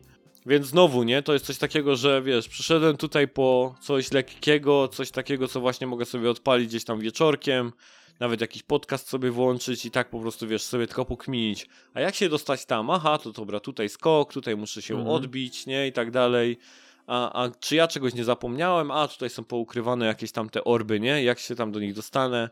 No więc tego rodzaju rzeczy e, tutaj wygląda, że, że jest właśnie raz, że jest poziom trudności, jest tutaj już taki trochę podniesiony. E, znacznie więcej trzeba się orientować, co się dzieje w fabule. Zaznaczyłeś, nie? Są nowe postacie, e, frakcje się dochodzą do tego, już jakaś tam taka, mm, buduje się jakaś otoczka jakiejś legendy, czy czegoś, co się wokół Jacka prawdopodobnie będzie działo za jakiś czas, więc na to też trzeba zwracać uwagę. No tak jak mówisz, nie? To jest po prostu ewolucja Naughty Dog jako studia i tego, co chcą robić e, oni. E, z tego też powodu myślę, że oni nie wrócą. Tak jakby, że Naughty Dog będzie szło tylko i wyłącznie do przodu, nie? Że, że nie wróci, nie zacznie znowu robić gdzieś tam takich bardzo lakonicznych, czy chyba tak to, to pokrótce gdzieś tam można nazwać produkcji. No bo trochę osób mówi, nie? Że tam, że mogliby wrócić i zrobić kolejnego Jacka, nie? No prawdopodobnie zrobili go dalej tak samo poważnego właśnie jak ta dwójka, czy, czy wiesz, jak, Dokładnie. jak The Last of W Us, czy, czy, czy, czy, coś w Ale tym w rodzaju, sumie nie? Jak kiedyś materiał jakiś pisałem o tym, to, to tam e, na którejś prelekcji jeden z twórców z Naughty Dog zresztą mówił, że e, oni zanim zrobili Last of Us, to oni początkowo zaczęli robić e, reboot Jacka and Dextera. I wiesz, i tam Mhm. w ramach tych prac, te projekty, jak po prostu doszli do takiego punktu, że stwierdzili, że nie, to, to nie pasuje już do Jacka i Dextera i robimy coś innego i później narodziło się z tego Last of Us, więc w którą stronę oni już Mhm. szli wtedy, że wiesz, że zrobili taki krok, w tą stronę poszli. To jak mówisz, to już w ogóle nie żadne bajkowe klimaty i postacie maskotki, tylko rzeczywiście już w ogóle inna, inna forma zabawy. No, tak, i o, nie wrócą raczej do tego. No więc zobaczymy, jak mi ten Jack się dalej sprawdzi. E, może tak fabuła na tyle mnie kupi, że będzie, wiesz, że stanie się tym motorem napędowym, tak? Że już nie będę chciał tej takiej prostej e, rozgrywki, tylko będę chciał się dowiedzieć, co się dzieje gdzieś tam dalej. A, no więc zobaczymy. I to by było tyle, jeśli chodzi o gierki. y, jakie mieliśmy na odcinku. I teraz mamy jeszcze tak jakby dwa e, tematy w wolnych wnioskach. Wolne wnioski. Pierwszy z nich to chciałem troszeczkę opowiadać o moich wrażeniach z VR-a dwójki, e, z ogrywania VR. E, I tak, na kanale możecie znaleźć moje wrażenia z ogrywania Gran Turismo pierwszy raz gdzieś tam e, w, ty, w, w nowych goglach. To sobie nawet gdzieś tam można zobaczyć, posłuchać, jakie są z tego wrażenia. Na blogu jest też pełny taki e, wpis, e, gdzie zarówno mówię o sprzęcie, jak on się prezentuje od strony takiej, zarówno jak się go czuje, jak on wygląda, e, jakie ma właściwości, jak wygląda instalacja. No i też takich pierwszych wrażeń z kilkoma tytułami. No ja sobie na razie pograłem e, najwięcej w te Gran Turismo, a potem sobie ściągnąłem kilka demówek i zagrałem sobie w taką e, grę, która nazywała się Puzzling Places.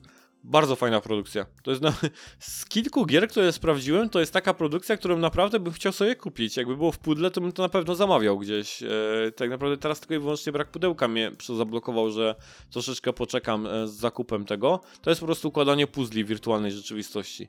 E, I układa się dioramy, takie 3D, z gdzieś tam kawałeczków. Em, bardzo przyjemne, z relaksującą muzyczką w tle.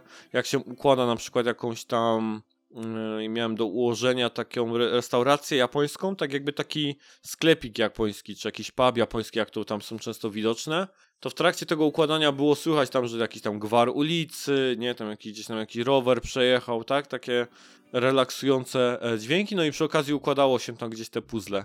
E, to, to, to bardzo fajne i to, to mi chyba najwięcej fajno tak jakby sprawiło z tych demówek, które sprawdziłem, bo sprawdziłem jeszcze Star Warsy i tego całego Sea Smasha, takiego, taki, takiego futurystycznego gdzieś tam tenisa. Natomiast ostatnio e, wróciłem do pierwszych gogli VR, bo miałem nieskończonego jeszcze Ironmana e, od Marvela. I, I chciałem go w końcu skończyć, skończyłem go, już mam połowę recenzji gdzieś tam napisaną, jeśli chodzi o tego Ironmana.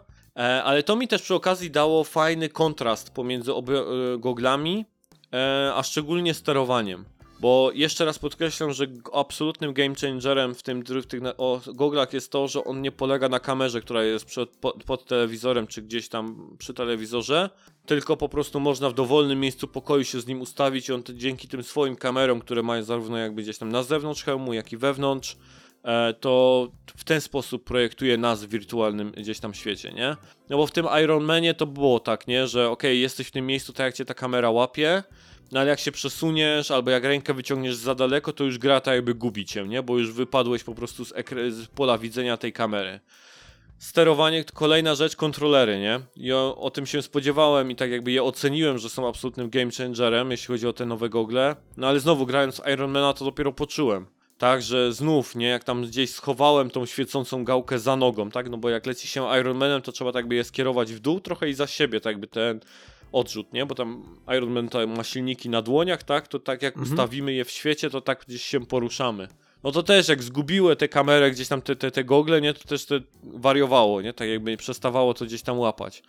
E, pamiętam, że jedną z minigierek w Ironmanie była koszykówka, że normalnie były piłki do kosza i był kosz, można było rzucać sobie po prostu, nie?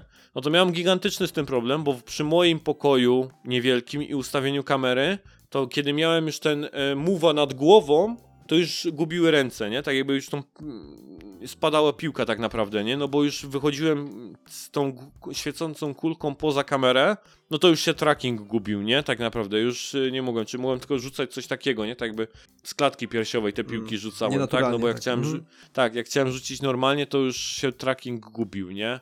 No więc postęp technologiczny względem właśnie tych gogli jest e, gigantyczny e, i to faktycznie czuć, nie? W każdej, w, w, w, po, właśnie jak sprawdziłem te, te, te dwie gdzieś tam produkcje, nie? W nich, więc e, to właściwie chciałem jeszcze tylko dorzucić, nie? Takie właśnie te ostatnie koment- te, takie wrażenia, które gdzieś tam sobie e, zauważyłem grając na starym sprzęcie, ale w sumie nie wiem, czy ty masz może jakieś pytania do VR-a? Wiesz co, no e, na pewno oglądałem ten materiał z Gran Turismo i dla mnie to jest e, wbrew pozorom w ogóle system seller właśnie, bo to, to jak tam właśnie emocjonowałeś się tym jak to wygląda z twojej perspektywy, to tak od razu pomyślałem, o kurczę, ale bym to sprawdził. No, Bo to, to, jest, to jest coś takiego, co, co robi robota. Ale tak sobie myślę właśnie z twojej perspektywy teraz, jak właśnie Mhm. jak masz te, te gogle, te PSVR 2, nie? I masz Gran Turismo, ograłeś sobie. Czy masz na przykład jakieś już trzy tytuły upatrzone, które chciałbyś sprawdzić teraz w pierwszej kolejności na tym, na tym właśnie, że czujesz, że one by tak samo jak Gran Turismo zadziałały, że to byłoby wow, taki efekt? Wiesz co, no na pewno kolejnym byłoby e, No Man's Sky. E, jestem bardzo Mhm. ciekaw, jak się sprawdzają w tym VR-ze, bo ja grałem w No Man's Sky e, na starych goglach i gameplayowo jako wrażenie to było niesamowite. Nie? Tak jakby jesteś w tym świecie, wyciągasz broń, wiesz, jak z pleców, tak jakby tym move'em, tak dalej. Komputerek na ręce, gdzieś tam go odpalasz i ten, tylko że tak jak mówię, te wszystkie bolączki związane z tym sterowaniem tymi kontrolerami move to jest jedno. Plus, ja o tym mówiłem, że nie kabel był problemem tak jakby tych pierwszych gogli, tylko rozdzielczość, nie? że tam ten świat był po prostu biedny. E, on wyglądał dosyć, bym powiedział, hamsko, tam widać było takie mocne dropy, nie? że tam po prostu on, ten horyzont daleko się bardzo słabo rysował, choć to była dalej ta sama gra, było można normalnie wystartować z Ziemi, polecieć w kosmos e, itd. itp. No ale graficznie to wyglądało po prostu biednie, nie? Tak jakby e, to, to był taki duży żal. No więc właśnie jestem w stanie bardzo, znaczy bardzo bym chciał zobaczyć jak to wygląda w tym VR-ze dwójce, nie? Bo jeśli Gran Turismo tak naprawdę nie traci dużo na jakości obrazu, to ten No Man's Sky może również po prostu być fantastycznym gdzieś tam przeżyciem, nie? Tego science fiction i tego kosmosu e, w totalnym gdzieś tam po prostu imersji wirtualnego świata, więc to jest na pewno coś, co bym chciał sprawdzić. E, jest też również e, Firewall e, Zero Hour, on się chyba teraz nazywa, ma jakiś tam podtytuł. To jest shooter.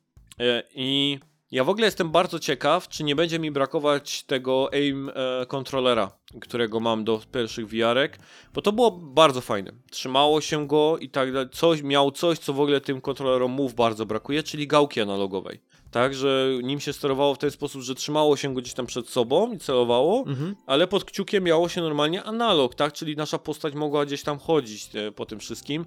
W Iron Manie to widać bardzo dobrze, gdzie tak naprawdę poruszania się na ziemi, tak jakby jako, jako Tony Stark, nie ma, tak? Po prostu rozglądamy się i mamy tylko punkty, do których się teleportujemy, tak? Nie ma chodzenia, tak jakby, nie? No bo Mhm. w takim wypadku, jeżeli nie mamy tego analoga, no to jedyne chodzenie to jest wędka, nie? Tak jakby była, nie? Po prostu się implementuje wę- wędkę mm, w grach VR. No, więc e, na pewno właśnie chciałbym tego Firewalla tam sprawdzić, bo jedynka mi się bardzo podobała. E, to w multiplayerze z ludźmi online e, rozgrywka była fantastyczna. Ja masę godzin spędziłem w tym Firewallu. E, imersja z tym A-controllerem była, była super, nie? No i to są takie tytuły, które na koniecznie by, bym chciał sprawdzić. Um, fakt faktem jest, że jeśli chodzi o inne tytuły, to ja tam jeszcze nie posprawdzałem, co dokładnie jest na, tą, na tego VR dwójkę. Natomiast wiesz co? Myślałem sobie o tym, znaczy tak, grając w Ironmana miałem tylko i wyłącznie jedną myśl w głowie, że chcę kolejnego Ace Combata w VR. E, No. Ja od, od siódemki, która była fantastyczną grą, pomyślałem sobie, że e, tak jakby Ace Combat potrzebuje VR-a. To znaczy ja nie wyobrażam sobie, żebym mogła wyjść ósemka i być dalej standardowym gdzieś tam lataniem, gdzieś tam samolotami, e, mając teraz te możliwości wirtualnej rzeczywistości. Dla mnie to będzie zmarnowany po prostu potencjał. E, obojętnie mi jest to, czy zrobią ósemkę, czy wrócą do, nie wiem, trójki, czwórki Electrosphere, czy tam, tam Shattered Skies, czy Unsung War, czy którąkolwiek będą z części robić e, i zremakeować ją po prostu w wirtualnej rzeczywistości, ale się prosi. To latanie gdzieś tam w VR-ze tymi samolotami. E, zresztą to też będzie bardzo pasować, e, bo tak jak w Iron Manie imersję łapało się przez to, że tak jak ty byłeś w pokoju w, w goglach, tak Iron Man jest w skafandrze. Więc to było bardzo Mhm. fajne, że misję rozpoczynasz i buduje ci się chat po prostu na tej ciemności, nie? I Mhm. tak dalej, że nie tracisz tak jakby tej, tej imersji, bycia w kostiumie, w jakimś kombinezonie, czy, czy coś takiego.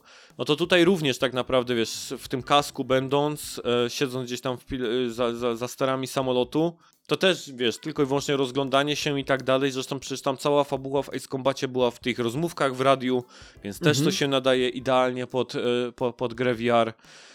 No bo e, jaki jest problem z grami VR, nie? No, że fabułę trzeba zupełnie inaczej prowadzić, nie? Nie możesz po prostu na przykład kamery ustawić w innym miejscu i przedstawić graczowi rozmowy dwóch postaci czy coś takiego.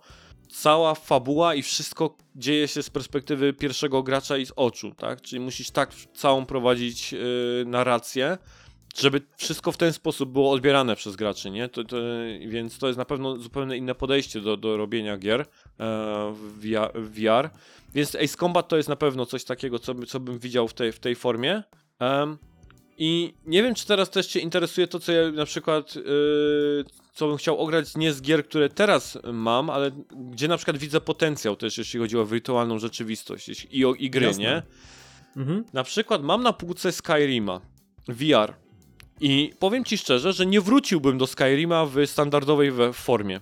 Tak? Ta, ta gra już ma tyle lat e, i na pewno się już przestarzała i choćbym w nią zagrał teraz, to ja ją nie odbiorę w ten sposób. Ale w wirtualnej rzeczywistości prawdopodobnie bym wybaczył jak wygląda, e, jak proste są mechaniki, e, wiesz, że nie jest taka dzisiejsza ta gra, tak i tak dalej, bo gry VR też nie są dzisiejsze. Tak, ktoś pamiętam, Mhm. jak jeszcze pracowałem w studiu, to mi powiedział, że na VR robi się gry tak, jak się robiło 10 lat temu. Że na przykład twórcy nawet, gdzieś tam programiści i tak dalej, przypominają sobie smaczki, tak jakby, które im towarzyszyły, kiedy robili gry x lat temu, nie? Kiedy na przykład było się trzeba martwić o pamięć, albo władowywanie obiektów do pamięci i wyładowywanie je z silnika i tak dalej. O tym wszystkim trzeba kombinować, nie? Bo VR, żeby te gry gdzieś tam chodziły, tak? Żeby nie obciążały zbytnio tego systemu gdzie przy obecnych grach i tak dalej, to się ludzie raczej tam pamięcią nie, nie, ma, nie martwią, nie? Te, y, y, robią, robiąc produkcję, nie? Tak jakby jest znacznie większa swoboda, jeśli chodzi o te możliwości techniczne, a przez to, że platformy VR są dosyć takie wymagające, jeśli chodzi o technikalia, to sobie ludzie przypominali po prostu jak ukrywać elementy, tak? Jak robić na przykład, nie wiem, to samo drzewko, tylko obrócone w, wiesz, e, w 16 różnych możliwych sposobów wokół osi, żeby wyglądało jak las, nie? Więc to są takie, wiesz, takie oszustwa, które się robiło na przykład 10 lat temu w grach, żeby wyglądało coś na, na realne. Dzisiaj masz po prostu speed tree, które ci, wiesz, rozsieje drzewa i się nie martwisz, no silnik to pociągnie, Unreal to, to wy, Tak, tak. ci to wyrenderuje, nie? Nie martwisz się tym tak naprawdę. E, więc e, właśnie, więc Skyrim VR na przykład by mi się. Ba- jestem ciekaw, nie? Tak jakby o- ogrania go tej wirtualnej rzeczywistości. I tak myślę o wielu produkcjach. E, właśnie takich starych, które właśnie gdzieś tam e, teraz by są już bardzo przestarzałe, a VR mogłyby zupełnie gdzieś tam odżyć i, i nadal być świeżymi, nie? Czy tam na przykład, nie wiem, myślę sobie o Blacku z PS2, nie? O, nie? Na przykład VR, nie? I tak dalej. Czemu nie, nie? Tak naprawdę. Tego rodzaju gry mogłyby wracać, tak? W, w takiej gdzieś tam, e, w, w, w takiej formie.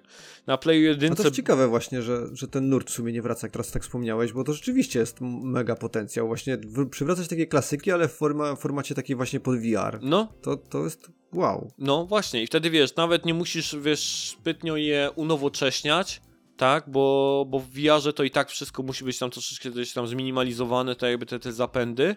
Więc tego rodzaju mogłyby produkcje wracać. Ja pamiętam, że na Playu 1 były takie gry fajne, e, jak na przykład jakiś tam symulator dźwigu, kopania i tak dalej. Takie japońskie gry pamiętam były na Playu 1, gdzie się tam na przykład Gundamy się wykopywało, nie? Tam czy coś takiego z ziemi, jakieś tam roboty, mechy i tak dalej. Znów w VR-ze to byłaby fajna zabawa, nie? Gdzieś tam z jakimiś tam prostymi mechanikami i tak dalej. Um, o, wiesz co, przypomniały mi się teraz e, jedna gra, którą bym chciał kolejnie bardzo sprawdzić, a zwiastun jej widziałem dopiero niedawno. Jest gra, która tytuł sobie nie przypomnę, ale wygląda jak Tenchu w VR. E. I ja sobie muszę teraz pogooglować gdzieś tam tytuł tej, tej gry. Ona się na pewno pojawiła na kanale PlayStation, była, e, tak jakby była reklama, tak jakby zwiastun, zwiastun tej gry. Arashi, Castle of Sin. O, No, więc sprawdzę. tak, sprawdzę więc sobie. zwiastun sobie zobaczcie. E, Arashi Castle of Sin. A wygląda bardzo przednio ta produkcja. I em, ja niezbytnio dobrze bawiłem się w. Pamiętam, jak się ta gra na, w, e, Until You Fall, gdzie walka taka wręcz była bardzo dynamiczna i taka szybka, i, i trzeba było się tam mocno na, napocić przy, przy, przy, przy tych goglach, żeby tam gdzieś zwyciężyć. Tutaj wydaje mi się, że jest więcej właśnie skradania e, jakiegoś tam celowania z łuków, jakiegoś tam, wiesz, y, strażnika, no takie tęczy, nie, które jest raczej, kiedy już dojdzie do kombatu, to pewnie jakoś sobie radzimy, ale prawda, jest nastawienie na to, żeby jednak się skradać. E, więc bardzo jestem ciekaw, jak to Arashi się gdzieś tam e, e, sprawdzi i to jest też taki tytuł, który bardzo mnie tam zainteresował. I no oczywiście czekam wciąż, żeby się pojawiło w końcu Alex Half-Life e, Mm. Na, na, na VR 2, żeby wyszedł gdzieś tam z tego PC-owego świadka, w to bym bardzo gdzieś tam chciał sprawdzić, żeby się Gabe jednak znowu uśmiechnął do, do, do PlayStation. Już mieliśmy takie lata, kiedy pojawiał się na scenie PlayStation i, i, i ogłaszał swoje produkcje. To chyba Orange Boxa tak zamówił, chyba, e, zapowiedział, pamiętam, e, pojawienie się na Playu dwójce, czy chyba na, czy na trójce Orange Box? Na trójce. Na trójce, na trójce był Orange Box, nie? No, więc mógłby znowu gdzieś na się i Alexa zapowiedzieć na te gogle. E, no, ale nie ukrywam, nie, że tych tytułów nie jest jakoś ogromnie dużo. Tak, to, to trzeba sobie gdzieś tam powiedzieć, że to nie jest tak, że tych tytułów wychodzi jakoś tam tak samo dużo jak na, na normalne konsole i że te tytuły, które też się pojawiają, to trzeba mieć to na uwadze, że to co już powiedziałem, że to nie są produkcje AAA jeden do jeden porównywalne z tymi, które normalnie kupujemy sobie e, do ogrywania, bo raz, że to jest niemożliwe do zrobienia tego rodzaju pro, produkcji e, na Google, no a dwa, że ta produkcja też od strony takiej technicznej bardzo się, się różni od robienia, od robienia zwykłych gier. E, więc to trzeba mieć na uwadze, nie? że jak ktoś wydaje takie gdzieś tam ponad 2000, czy ile te Google teraz kosztują, to tych gier nie jest dużo, nie? Więc jeżeli ktoś oczekuje właśnie takich ogromnych blockbusterów e, co miesiąc e, na, tych, na tym sprzęcie, to może być gdzieś tam rozczarowany. No bo było kilka mm. dobrych gier, nie? Był to na przykład ten Synapse, tak? To też było to, co było reklamowane podczas State of Playów, nie? To tak jakby tam te, z tym takim poruszaniem tak jakby tych obiektów w otoczeniu, mm -hmm. zwalnianiem tempa. E, więc to też ciekawie się zapowiada, więc trochę tych gier jest, nie? No ale na pewno nie jest to tak kolorowy gdzieś tam repertuar i biblioteka jak chociażby na zwykłych konsolach, nie? Na jakimkolwiek gdzieś tam sprzęcie, nie? Jeśli chodzi o te gogle.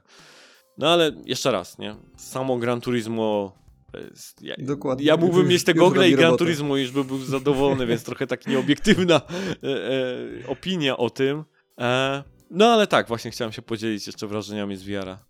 Znaczy moim zdaniem to wiesz co, tylko ja, ja bym jeszcze bardzo chciał, żeby oni e, e, w tych właśnie kolejnych przed jakby state of playach, to żeby zaskoczyli taką różnorodnością tych tytułów prezentowanych, bo tego mi najbardziej chyba brakuje. Mm. Bo nawet sobie sprawdziłem tak z ciekawości, w, tak patrząc na tą naszą agendę, co mówię, co tak ciekawego właśnie, wiesz, gatunkowo na, na VR-ze można zrobić. No i tak naprawdę patrzę, no to na tych pecetowych e, goglach możesz zagrać i jakąś strategię, i czasami ktoś z RPG-iem pokombinuje, mm. I nawet ze sportówkami się widziałem, tam twórcy bawią, bo i robią jakiś futbol amerykański, taki, no może rzeczywiście przed, wygląda to graficznie czasami koślawo jeszcze, no bo to, tak jak wspomniałeś, są różne ograniczenia i tak dalej, ale już, wiesz, jakieś mechaniki, których nie ma na co dzień, tak naprawdę, których nie można, tak naprawdę to jest takie przełożenie, że wiesz, masz to samo, że na padzie i, i tutaj, wiesz, i, i tutaj bawiąc się w tym e, w VR-ze. I tego mi trochę brakuje, żebym właśnie miał poczucie, że widząc jakąś zapowiedź na tym State of Playu, czy na czymś, to poczuł takie, o kurcze, to wygląda zabawnie, bym to zagrał. No. Bo na przykład, Rezi wiesz, Resident VR na mnie robi ogromne wrażenie, że jest ta, ta czwóreczka, tak, która zapowiedziana, ten remake, że, że on będzie no. wyglądał. Mhm. Bo teraz tak właśnie mi też się przypomniało, e, że, że jest taki tytuł. I to jest na pewno super. I jak ja bym miał takie gogle właśnie, wiesz, tego PSVR 2, no to to jest jeden z takich podstawowych zakupów, tak jak Gran Turismo właśnie, to to jest taki jeden z podstawowych zakupów, że chciałbym. Ale oprócz tego mi brakuje, żeby właśnie co jakiś czas mi zaserwowali taką ciekawostkę totalnie, że wiesz, że mam jakąś swoją listę tytułów do ogrania na normalnie, normalnie wydanych, takich nie VR-owych, a te VR-owe są w ogóle jakby osobną listą, bo są tak ciekawe, tak odrębne i tego mi czasami brakuje mm. na tym, bo, bo mam wrażenie, że zamykamy się w jakichś wąskich takich ramach gatunkowych, że często to idziemy w stronę tych strzelanek albo takich FPS-owych do, doznań typowo. Tak. A nie ma takiej właśnie zabawy tej gatunkowej, bo wiesz, na przykład dla mnie no możliwość zagrania w strategię VR, jak tam widziałem, jakie niektórzy pomysły już powpadali na to, jak to rozwiązać, to jest naprawdę kapitalny pomysł i czegoś takiego mi brakuje właśnie, żeby do, do tego jeszcze tak dostarczyć, no. żeby, żeby zróż, bardzo różnorodność, wiesz, zwiększyć mm. tej, tej oferty wiesz, jakieś karcianki czy coś takiego, nie? Tak jakby, wiesz, no, no, no. tam kombinowali na przykład, wiesz, jak z tym Eye of Judgment, nie? Ale Właśnie taki tak, Yu-Gi-Oh! Tak, na tak. przykład w VR, powiedzmy, nie, że wiesz, że, wow. że pojawiają się tam te, te projekcje tych wszystkich kart i tak dalej w wirtualnym gdzieś tam świecie, to by było mega, nie? Gdzieś tam w, w coś takiego. A wiesz, Ale w sumie też... wiesz, nawet te, no? ten, ten Yu-Gi-Oh! jak wspomniałeś, to przecież to była opcja dla twórców, przecież oni tak naprawdę na tym ile mogliby zarabiać, jakby zaczęli jakieś paki, DLC-ki wydawać do tego, przecież to ludzie by też kupowali, jakby się wkręcili w to, więc to te, też się dziwię, że oni nie próbują tutaj atakować te, takiego segmentu. Tym bardziej, że pewnie sobie tak stawiam na to, że nawet jeżeli, wiesz, ci e, osoby posiadające Google gdzieś tam VR to jest jakaś tam nisza, to zawsze mogliby na przykład połączyć to, jakiś ten ekosystem może by się dało z tymi takimi na przykład mm. grami free to play, na przykład gdzieś tam tymi karciankami jak Yu-Gi-Oh, nie? Żeby niekoniecznie było potrzebne Google VR do grania w niej, nie? Ale jak już masz, to właśnie masz tą fajną projekcję tych wszystkich batalii, starć i tak dalej, tego co gdzieś tam dzieje się w grze, więc to na pewno. E, jeśli chodzi o strategię, to ja sobie na, przykład, na pewno przypominam, że tam to... Yy, De Daimio czy, czy, czy Dimio była taka gra właśnie też taka turowa, e, gdzie, gdzie tak jakby miało się planszę gdzieś tam przed sobą i tam się tam te pionki przestawiało, tak jakby w takich, takich Mhm. lochach. I to też e, się pojawiło na, gdzieś tam na, na, na goglach VR. E, wiem na pewno też, że była gra ten Trover Saves the Universe.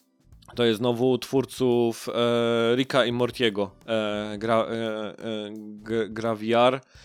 E, jest też na- jest Accounting Plus. E, to jest taka bekowa gra związana tak jakby z wykonywaniem prostych czynności tak jakby w, w pracy.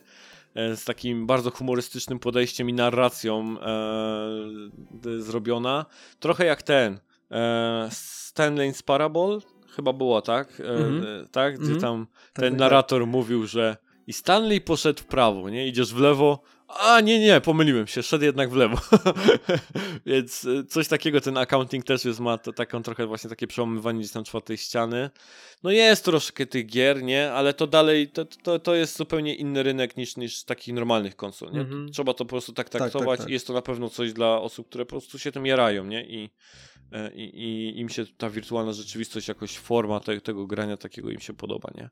Ale tak jak mówię, ja najbardziej czekam na Ace Combata. Tak, to, to jest dla mnie mus, że to się musi pojawić, że żeby ta seria tak jakby do jakiejś świeżości otrzymała, to właśnie wirtualna rzeczywistość to jest coś, co powinno się zadziać.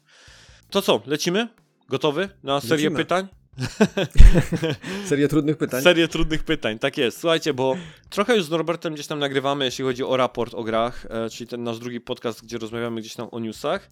Natomiast wy tutaj gdzieś na Gamecastie, jeżeli nie słuchacie raportu, to możecie gdzieś tam e, Norberta zupełnie nie znać, tego wszystkiego, co on tam w sieci robi i skąd gdzieś tam ja go wytrzasnąłem w ogóle, jeśli chodzi o, o nagrywanie. I pomyślałem sobie, że możemy trochę pogadać właśnie o tej inicjatywie, którą gdzieś tutaj Norbert w sieci tak jakby gdzieś ukultawia i ile to już lat tak naprawdę istnienia ma Gralingrad? Gralingrad to od, o, to tak pod własną domeną to chyba od 15. Od 2015, roku. tak? Po prostu, tak? Tak, to, to własną domeną. No a wcześniej tam sobie działałem, ale to wiesz, nie było pod własną, tylko tam blogi na innych serwisach założone jako Gralingrad. Dokładnie tak, więc e, troszkę już sobie tam funkcjonuje. E, więc moje pierwsze pytanie takie do ciebie, jakbyś miał komuś wytłumaczyć, czym jest Gralingrad? Wiesz co, no to, to coś jak raczej konsolowo bym tłumaczył na tej zasadzie, że wiadomo, że można, można się skupić tylko, że to jest blog, Mhm. ale z drugiej strony tak ja to bardziej sobie traktuję, że to jest taka, taka przestrzeń, w której e, z jednej strony ja mogę się podzielić paroma, paroma przemyśleniami czy tam jakimiś wspominkami, ale z drugiej strony też taka właśnie przestrzeń, na której wszyscy mogli, możemy sobie razem powspominać i poprzeżywać jeszcze raz te, te różne przygody w wirtualnych światach. Tak właśnie tak to staram się traktować i tak Mhm. wokół tego też buduję całą tą narrację, wiesz, i, i na blogu, ale też na, na social mediach wszystkich, jakie tam prowadzę właśnie, właśnie pod, pod szyldem Gralingradu. Mhm. Ale głównie to są, e, jeśli tak jak dobrze kojarzę, tak jak ile widziałem, jak tam sobie śledziłem, co tam się na blogu pojawia, to to są głównie opowieści, tak? Opowiadania. E, Tak, e, Opowiadania z gier. opo- opowiadania z gier. E, I właśnie, e, jak zaczęła się ta twoja przygoda z tym pisaniem tych opowiadań z gier? Skąd ten pomysł w ogóle? Wiesz co, no to ja tak też sobie jakiś czas temu zastanawiałem się na to, jak to się stało, że ja w ogóle właśnie te opowiadania zacząłem pisać i tak doszedłem do tego, że ten pomysł to dojrzewał już w sumie latami całymi, no bo e, ja zaczynałem jeszcze pisać sobie jakieś e, rzeczy takie przypominające opowieści już, już jako nastolatek. E, A z grami to właśnie zacząłem kombinować pod tym względem, że pierwsze były kariery Mhm. e, w Football Managerze, czy, czy właśnie w FIFach, e, w rozmaitych, czy nawet w Master League Pro Evo spisywane w formie właśnie takiej kariery, w której tam prowadzę jakby wirtu, jakby fikcyjny trener prowadzi taką drużynę marzeń i buduje drużynę, która próbuje, próbuje wiesz, e, zapisać się w annałach historii, więc od tego się jakby to wszystko zaczęło. I tak sobie przeanalizowałem nawet tak z ciekawości, kiedy ja zacząłem pisać inne opowiadania, to w 18 roku e, tak przerzuciłem się właśnie Mhm. na pisanie tych e, opowiadań w ogóle z innych gier i to też, też zabawnie, bo to w sumie symbolicznie pokazuje ten też dobór tytułów, jaki ja mam, bo zaczynałem te opowiadania pisać od e, historii z Red Steela na Wii, nie wiem czy Mhm. kojarzysz, taki ekskluzyw był, Tak.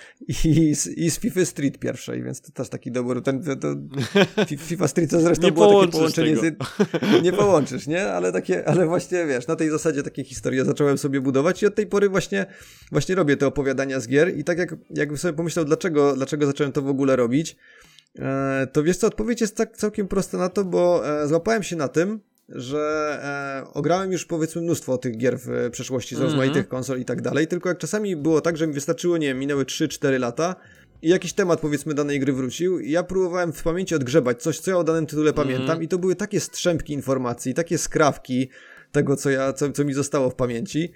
I tak sobie pomyślałem, że w jaki sposób chciałbym to utrwalić, no bo ja pisałem o grach często, w jakieś rozmaite felietony, przemyślenia sobie spisywałem, ale to jednak to są cały czas jakieś małe fragmenty. I tak sobie pomyślałem, że właśnie e, z jednej strony lubię pisać i te opowiadania, historie z gier to się tak bardzo, bardzo wdzięcznie tworzy na podstawie tych, tych tytułów, bo po prostu bardzo, bardzo fajnie to, to często samo się składa wręcz, wręcz Mm. w ramach twoich, wiesz, takie łączenie wrażeń tego, jak ty grasz, plus tego, co sama gra ma do opowiedzenia w swojej historii. I tak zacząłem robić te właśnie opowiadania, żeby, żeby troszkę utrwalać sobie też twoje, swoje wspomnienia, a przy okazji tak pomyślałem, że może inni osoby, inne osoby mają też podobne, podobny problem z tym, że wiesz, że ograją jakieś tytuły, a że tych tytułów wychodzi od groma tak naprawdę i mamy duże szanse, że nie wrócimy do wielu, jeżeli w ogóle do jakichkolwiek będziemy Mhm. wracać, bo, bo jest tego taki natłok, że chcemy ogrywać nowości i chcemy tę hałdę wstydu, która nam cały czas Tak, rośnie tak, rośnie, no. nadrabiać. No nie, no to, no to jest teraz jeszcze wracać do tytułów, którym się poświęciło kiedyś powiedzmy ze 100 godzin, albo 50, albo nawet te 10, no to nie każdy, nie każdy na to się zdecyduje, bo jednak są te cały czas te nowe, te, te ciekawe, te o których wszyscy mówią, albo które chciałoby się sprawdzić. No i tak wychodzę z założenia, że właśnie takie opowiadania o grach to z jednej strony dla mnie szansa, żeby sobie coś utrwalić, a jakbym zapomniał, to żeby sobie wrócić i przypomnieć, co ja wtedy przeżywałem, Mhm. albo jakie emocje, albo jakie miałem przemyślenia ogólnie a Tak, propos tak. tytułu, albo w ogóle co się wydarzyło w danej grze w danym momencie, bo na przykład mogę nie pamiętać czegoś. To dla mnie taka okazja, a przy okazji dla innych, no bo wiesz, wiadomo, że możesz dzisiaj samemu ograć dany tytuł do niego wracając, możesz sobie obejrzeć na YouTubie przejście danej gry, możesz, nie wiem, jakieś recenzje poczytać, to taka pomyślałem sobie, że będzie dodatkowa alternatywa dla ludzi, którzy chcą sobie powspominać stare, stare jakieś produkcje, które ogrywali przed laty i dlatego właśnie powstają opowiadania. Z jednej strony można to przeczytać, Mhm. a z drugiej strony zacząłem też nagrywać i chciałbym to robić więcej, tylko czas trochę mi ogranicza. Tak. To audiobooki właśnie, czyli zacząć to w formie audio, że każdy na przykład może sobie w drodze do pracy, czy w podróży autobusem, czy nawet przed snem puścić sobie na przykład opowieść e, z Residenta dwójki i wspomnieć sobie jak to wyglądało wtedy na tym playaku pierwszym, jak się grało tym Leonem i o co tam chodziło w tym Mhm. Raccoon City, wiesz, na tej zasadzie. No, okej. Właśnie i chciałem właśnie jeszcze dorzucić do tego, że te audiobooki to jest coś, co tam od niedawna też jakby gdzieś tam e, robisz, e, jeśli, jeśli, Mhm. jeśli chodzi o, o, ka- o kanał. Trochę już powiedziałeś o jakby tam o doborze, tak jakby jaka jest twoja, tak jakby co ci przyświeca przy wybieraniu, tak jakby gdzieś tam tych, tych, tych produkcji, a czym bardziej zajęciu się tym tematem. Ale e, jak wygląda taki proces takiego tworzenia takiego opowiadania? E, i, I jak wybierasz tytuł, nie? Czy masz jakiś na, nagłą myśl, że prześnił ci się jakaś produkcja i, i, i dobra, to teraz o tym, wracam do tego, czy jak wygląda to? Wiesz co, no, chciałbym, na pewno inspirujesz mnie ty z tym swoim kluczem, o którym opowiadałeś, bo to jest dla, dla mnie bardzo fajny model, który przyjąłeś do tego, do ogrywania. W moim przypadku na razie to jest czysta losowość. Mhm. Po prostu e, jakiś czas temu w ogóle stworzyłem sobie, żeby uporządkować liczbę tytułów, które mam i fizycznie, i cyfrowo, bo tego też e, w ramach tego, jak się jeszcze ma plusa od paru lat, to, to się, wiesz, nazbierało tych Tak. tytułów, które się dostawało, plus właśnie te rozmaite zbierane fizycznie pudełka i te właśnie cyfrowe przez te wszystkie, wiesz, wersje, kolejne warianty konsol, kolejne generacje, no to tych tytułów urosło od groma, więc stworzyłem sobie e, Excela, w którym zebrałem sobie całą listę tytułów, które posiadam i tak momentami teraz właśnie, jak już przychodzi moment, że, że pora na kolejny tytuł, rozpoczęcie jakiejś przygody, to na zasadzie totalnej losowości sobie patrzę, gdzie mnie rzuci, to coś na, jak na ludzie czasami, którzy wybierają się w podróż, nie wiedzą, gdzie lecieć, obracają Globus, globusem, tak? gdzie ich palec rzuci, to Mhm. tak, gdzie ich rzuci, tam, tam wybieram. No i wiadomo, że wiesz, też mam jakiś klucz przy tym przyjęty, że na przykład jeżeli grałem ostatnio w tytuł wyścigowy przez pół roku, Mhm. i wylosowałby mi się jakiś kolejny, powiedzmy, jakoś by mnie rzuciło, no to raczej nie będę tego podejmował się od razu, tylko po jakiejś przerwie, ale staram się właśnie tak jakimś, wiesz, takim kluczem, żeby, żeby w miarę szeroko iść, no i to, to jest też dla mnie fajne, bo e, ja na przykład nie mam tak, że nie lubię jakichś gatunków gier, bo w, w każdych zawsze znajduję coś przyjemnego i mam Mhm. ochotę spróbować, więc wiadomo, niektórym poświęcam mniej czasu, niektórym więcej, ale ale nie mam tytułu, który by mi od razu odrzucał tak z miejsca, że nie, nigdy w życiu nie zagram dane, daną produkcję z danego gatunku. Więc dla mnie to jest też ciekawe, bo, bo mogę w sobie poszerzać, wiesz, te horyzonty właśnie i sprawdzać, jak się gra w różne tytuły, co one oferują i to też na przestrzeni, przestrzeni lat w ogóle sprawdzać, bo wiesz, czasami mi rzuci e, się tytuł z PSP, czasami z PS2, Mhm. e, a czasami z PS5, nie? Albo, albo właśnie nawet coś na, na PC mi się trafi, czy na Switcha, no więc No. tam e, w takich, tych, wiesz, ten przekrój jest naprawdę szeroki i to też fajnie sprawia, że można różną perspektywę złapać na to, jak te gry ewoluowały i jakie w ogóle, No wiesz, tak, jak gatunki się zmieniały, jak serie dojrzewały rozmaite, więc to też jest, to też jest dla mnie tak niesamowite i dlatego to, jest ogrom... bardzo dużo frajdy mi sprawia samo nawet wybieranie właśnie tytułu pod tym względem, bo już wiem, już nie mogę się doczekać, jaka przygoda mnie czeka, to z jednej strony, a z drugiej właśnie w jakim gatunku teraz będę mógł się sprawdzić, będę mógł się z czymś zmierzyć, więc to jest, to, to jest też niesamowite. Mhm. A, a i wracając do tego procesu, samego takiego już e, pisania, opowiadania. Wiemy, że to Mhm. jest wybór gry, ale potem to jest tak, że ogrywasz, robisz jakieś notatki, e, z których potem czy, czy Tak. piszesz w trakcie, w trakcie grania, od razu piszesz już go, końcową wersję? Jak to wygląda? Wiesz co, to jest, e, to jest na tej zasadzie, że e, ogrywam sobie dany tytuł, no i tak z reguły, jak już sobie ogrywam, to teraz właśnie, e, odkąd zacząłem już to opowiadanie robić od paru lat, to też już taki mam trochę przedstawiony umysł pod tym kątem, że jak już zaczynam grać w dany tytuł, to czasami w jakiś właśnie takie, jak jest jakiś moment chwilowy, kiedy mogę się nad tym zastanowić, to już czasami jakieś pomysły się rodzą, w jaki sposób mogę to opowiadanie przedstawić, bo to też zawsze fajna zabawa formą jest, bo czasami mogę przedstawiać to, jakbym był narratorem z zewnątrz, czasami mogę się wcielać w danego bohatera i takie, wiesz, różne, Mm. różne właśnie zabawy przyjmować, więc tutaj podczas gry już sobie, już sobie potrafię taki jakiś koncept wstępny ukuć tego, jak będzie wyglądało dane opowiadanie. Okej. No i potem tak naprawdę robię to na tej zasadzie, że e, w ramach każdej partyjki tam sobie jakąś przechodzę, jakąś część gry i potem sobie, jeżeli e, często robię tak, że albo zapamiętuję, ale ogólnie zapisuję sobie najczęściej jakieś takie ważne momenty albo coś, co jakieś tam moje przemyślenia, jakieś rzeczy, które chciałbym uwzględnić w takim opowiadaniu, które dla mnie były w danym momencie ważne na przykład, że w tej, w tej godzinie gry na przykład to, te rzeczy przykuły moją uwagę, to zagrało mi mocniej na emocjach, to mnie Mhm. na przykład zirytowało, a to mnie ucieszyło, nie? Mhm. I na tej zasadzie później buduję to w opowiadaniu, żeby też to przekazać, żebym, e, żeby też ten, te opowiadanie było takie najbardziej żywe i troszkę najbardziej takie właśnie realne tych wrażeń, które, które były w tym momencie, wiesz, podczas, podczas grania, żeby móc to rzeczywiście później oddać w, w tym tekście. I tak naprawdę później w ramach ogrywania tego tytułu, no to też nie jest tak, że zbieram te notatki i siadam do pisania, jak już na przykład skończę tytuł, tylko właśnie staram się go ogrywać i jednocześnie w miarę opisywać, jak już na poczuję, że zebrało mi się materiału tyle, że mogę zrobić jakąś Mhm. powiedzmy pierwszą część danego opowiadania, no to wtedy siadam, spisuję sobie to opowiadanie i ruszam dalej. To też zresztą trochę wpływa na to, że moje tempo ogrywania gier jest wolniejsze niż bym może czasami chciał, no bo Tak. jak już czuję, że zebrało się trochę materiału, to też nie chcę za bardzo lecieć dalej z grą, tylko muszę sobie wyznaczyć termin, żeby jednak, w sensie czas, żeby O tym sobie usiąść. pomyślałem właśnie, napisać. nie? Że to by był Tak. straszny problem jest, nie? Kiedy tak naprawdę, wiesz... Wiesz, ty napisałem, powiedziałeś o tym tak, że jak czujesz, że jak zebrało mi się już odpowiednio dużo materiału, nie? Ja bym na to musiał bardzo uważać w takim momencie, jakbym takie opowiadania gdzieś tam Mhm. pisał. No bo to jednak potem trudno, nie? Wrócić dokładnie, żeby opisać wszystko, co się działo, nie? Dokładnie, Tak, tak. naprawdę. To jest problem. No. To jest problem. Nawet, nawet powiem ci, że raz się z tym zmierzyłem, e, jakie to może mieć konsekwencje, jak się właśnie za, za bardzo zapędzę, e, bo jak ogrywałem i opisywałem e, Suikodena drugiego. Mhm. I tam właśnie zrobiłem ten myk, że, że poleciałem trochę za daleko już z grą. No, tam trudno się zatrzymać, bo to, co tam się wyprawia w tej grze, jak jeżeli nie graliście, to polecam Suikodena Tak. dwójkę z całym sercem. Właśnie będzie teraz wychodziła, powracała w odświeżonej wersji, Mhm. więc sprawdzajcie na pewno.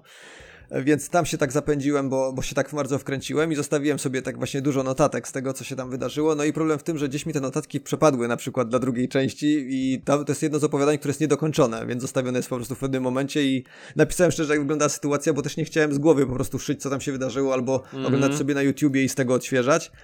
Bo jednak to nie są te, to nie A są tam te, jest i dużo bohaterów, i jest polityka, Oj, tak. i ta cała wojna, to akcji? konflikt wojny, który się tam dzieje, zwroty akcji, tak.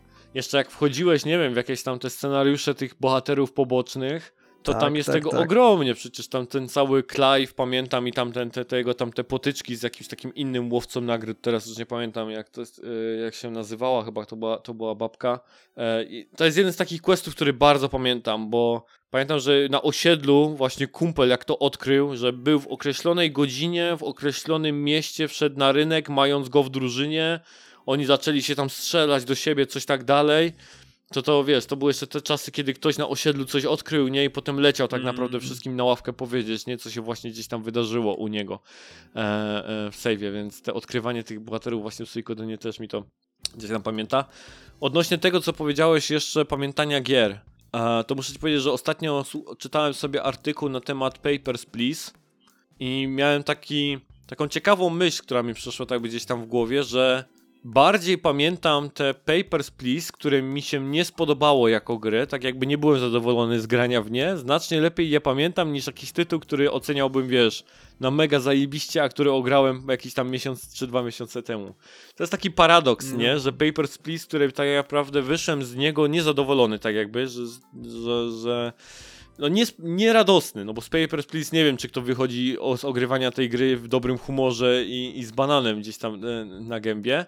Znacznie więcej pamiętam i znacznie lepiej sobie je wspominam, wiesz, lepiej w sensie wyraźniej, niż gra, która mi się podobała, autentycznie podobała gdzieś tam miesiąc czy dwa miesiące temu. Taki, t- taki dziwny paradoks, nie? Przez te emocje No oczywiście. właśnie, widzisz, nie? Która, te, Dokładnie, to są te, te emocje. te emocje, które gra gdzieś tam wskazywała, więc e, fajnie, że ty w tych opowiadaniach też właśnie te emocje gdzieś tam możesz e, wzbudzić u ludzi, tak? Czy jak ktoś grał, czy nigdy nie grał, ale na przykład nie chce spędzać x godzin na ogrywaniu, tak? To może w takim opowiadaniu twoim po prostu sobie przeżyć, tak? Tą, tą gdzieś Mhm. tam e, his- historię gdzieś tam w taki sposób.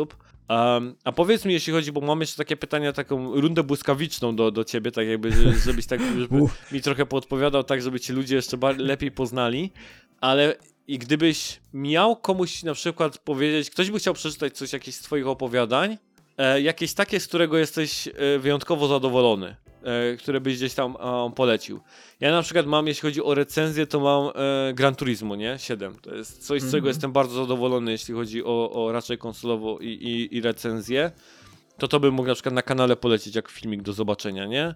Eee, więc masz też jakieś opowiadanie, jakieś takie na Gralingradzie, które byłoby takim, które byś powiedział, przeczytaj to i może ci się spodoba. Wiesz co, no to y, chyba bym poszedł w stronę e, dwóch takich, ale to też ma, właśnie tak sobie pomyślałem, to ma ciekawy związek, bo to jest od razu z klucze z tytułem, który mi się najbardziej chyba podobał, bo tak się, tak się wkręciłem i może dlatego też mi się najbardziej podobają opowiadania z tego, no bo, bo byłem tak w to wkręcony, że ten świat mnie tak porwał, że później oddanie tego, przelanie tych, tych myśli na papier było najprostsze. Mhm. I myślę sobie, że właśnie, że tutaj bym wymienił Red Dead Redemption 2 Mhm. i tam zrobiony pamiętnik Artura Morgana, e, bo to jest, to jest właśnie w tej formie. E, I teraz ten właśnie całkiem świeży co robię, czyli z The Legend of Zelda, z Breath of the Wild, bo to Mhm. też taka właśnie, właśnie przygoda opisywana w ten sposób. A z drugiej strony jeszcze mógłbym też wspomnieć, że jeżeli ktoś chce sprawdzić, co można zrobić jak można popłynąć czasami w pomysłach z- gier, no to e, na przykład zrobiłem też opowiadanie z Motorstorma, więc da się z wszystkiego, jak się okazuje. Z perspektywy kierowcy, tak? z perspektywy kierowcy, który Super. dostaje zaproszenie na te zawody i wiesz, i szaleje w motorstormie później. Super, to aż ja bym- muszę sprawdzić, bo nie znalazłem Motorstorma gdzieś tam w tych twoich opowiadach, ale no brzmi to, brzmi to mega gdzieś tam ciekawie. Ale słuchaj, na przykład teraz mi powiedziałeś o tym Zeldzie Breath of the Wild. E, no przecież wiesz, to jest tak naprawdę jakieś e, urozmaicanie luki, którą ta gra niewątpliwie ma, bo tak naprawdę ludzie o przemyśleniach Linka to tam gówno wiedzą, nie? Tak naprawdę on w każdej grze Mhm. to jest taką po prostu niemową amebą, która po prostu, której do niej się po prostu ludzie odzywają, wysyłają go na questy i, i on po prostu je gdzieś tam robi i tak dalej. Więc wiesz, opowiadania z perspektywy Linka, e, bo tak to rozumiem, tak? Że takie gdzieś tam e, Mhm. pisałeś. No to może być cholernie ciekawe, nie? Tak naprawdę gdzieś. Ja się na przykład złapałem właśnie, wiesz, przy tej, przy tej Zeldzie, że to też słyszałem te zarzuty, że przykład ta gra nie ma w ogóle historii, nie ma w ogóle fabuły, nie? I przez to jest przez nudna. Nie ma co za bardzo w niej robić, nie ma w czym się wkręcić.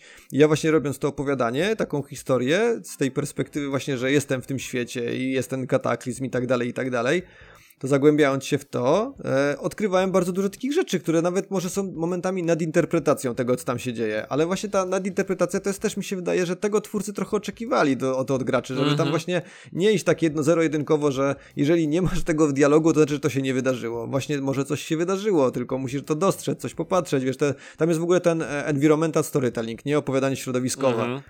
Trochę w tej grze stosowane tak na, dużo, na dużą skalę. I właśnie wydaje mi się, że tutaj na tej bazie na przykład, wiesz, każdy z nas ma pewnie jakieś inne obserwacje. Tak. To też może być ciekawe dla kogoś, że ktoś, kto ograł sobie Breath of the Wild i ma jakieś swoje przemyślenia, zderzy to teraz na przykład w tym opowiadaniu, to raz, że przypomni sobie, co było, jeżeli zapomniał, a dwa, że może też popatrzeć, że da się coś inaczej to odczytać, to co tam twórcy przedstawiali. To może być fajne pole do dyskusji później. To, to też e, nigdy nie wiadomo, Fajne. co z tego może wyniknąć. No, zdecydowanie, bardzo fajny gdzieś tam e, pomysł.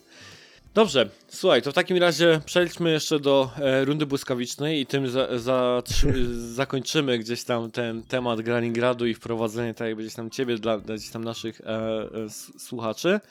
I teraz tak, e, mam tutaj serię raz, dwa, trzy, cztery, pięć, pięciu pytań e, i chciałbym, żeby się gdzieś tam w miarę szybko, e, miarę szybko. odpowiedział, jeśli, jeśli by, by się dało. Gotowy? Dobrze. Gotowy. Ulubiona konsola i nie chodzi po prostu o takie, które teraz funkcjonują, tylko ogólnie w dziejach. Mm, PS2. Ulubiona seria. Mm, ulubiona seria. Mm, Final Fantasy. Najlepsza gra? Przekornie powiem Burnout 3 Takedown. O, oh, Jesus, tego się nie spodziewałem. Zniszczyłeś mnie tą odpowiedzią. No ale bardzo, bardzo, bardzo dobra gra. Super. E, najlepszy bohater gry? Arthur Morgan. Mm. Jak, e, jak byś określił typ gracza, jakim obecnie jesteś? Eee, pod względem patrząc ile czasu mam nagranie, to chyba casual by wszedł. casual, casual, ale wannabe pro. wannabe pro. Ja myślałem, że powiedz coś w stylu cierpliwy, albo cierpliwy, powolny, e, anty-FOMO. E, dobrze, to tyle by było. To na pewno, to, to piękne. To piękne, tak, antyfomu. E, więc to by było tyle, jeśli chodzi o przedstawienie gdzieś tam e, samego Graningradu i tego, co, co robisz. E, z mojej perspektywy ja bym zakończył to takim stwierdzeniem, które często, jeżeli są wśród nas starzy gdzieś tam słuchacze, to może pamiętają takie coś, co kiedyś leciało w telewizji, jak Teleexpress.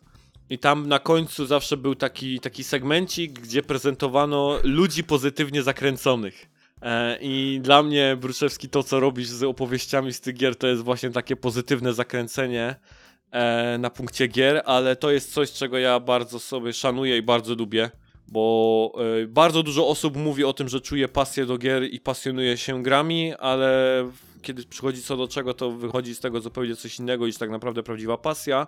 A żeby robić takie rzeczy jak ty właśnie z tymi opowiadami, to trzeba coś do tych gier czuć. I mi się to strasznie podoba e, i, i, bardzo ci zazdroszczę tego, że w ogóle jak, jak piszesz o tych opowiadaniach i życzę ci, żebyś miał z tego jak najwięcej gdzieś tam fanu e, cały czas z, z, tego, z tego, co robisz. I skoro przechodzimy teraz do przedstawiania się, bo dziękuję Ci oczywiście za uczestniczenie w tym odcinku, ale teraz, e, jeżeli ludzie chcieliby zarówno Ciebie gdzieś znaleźć w internecie, no i sam Gralingrad, to jak, jak znaleźć, czego szukać?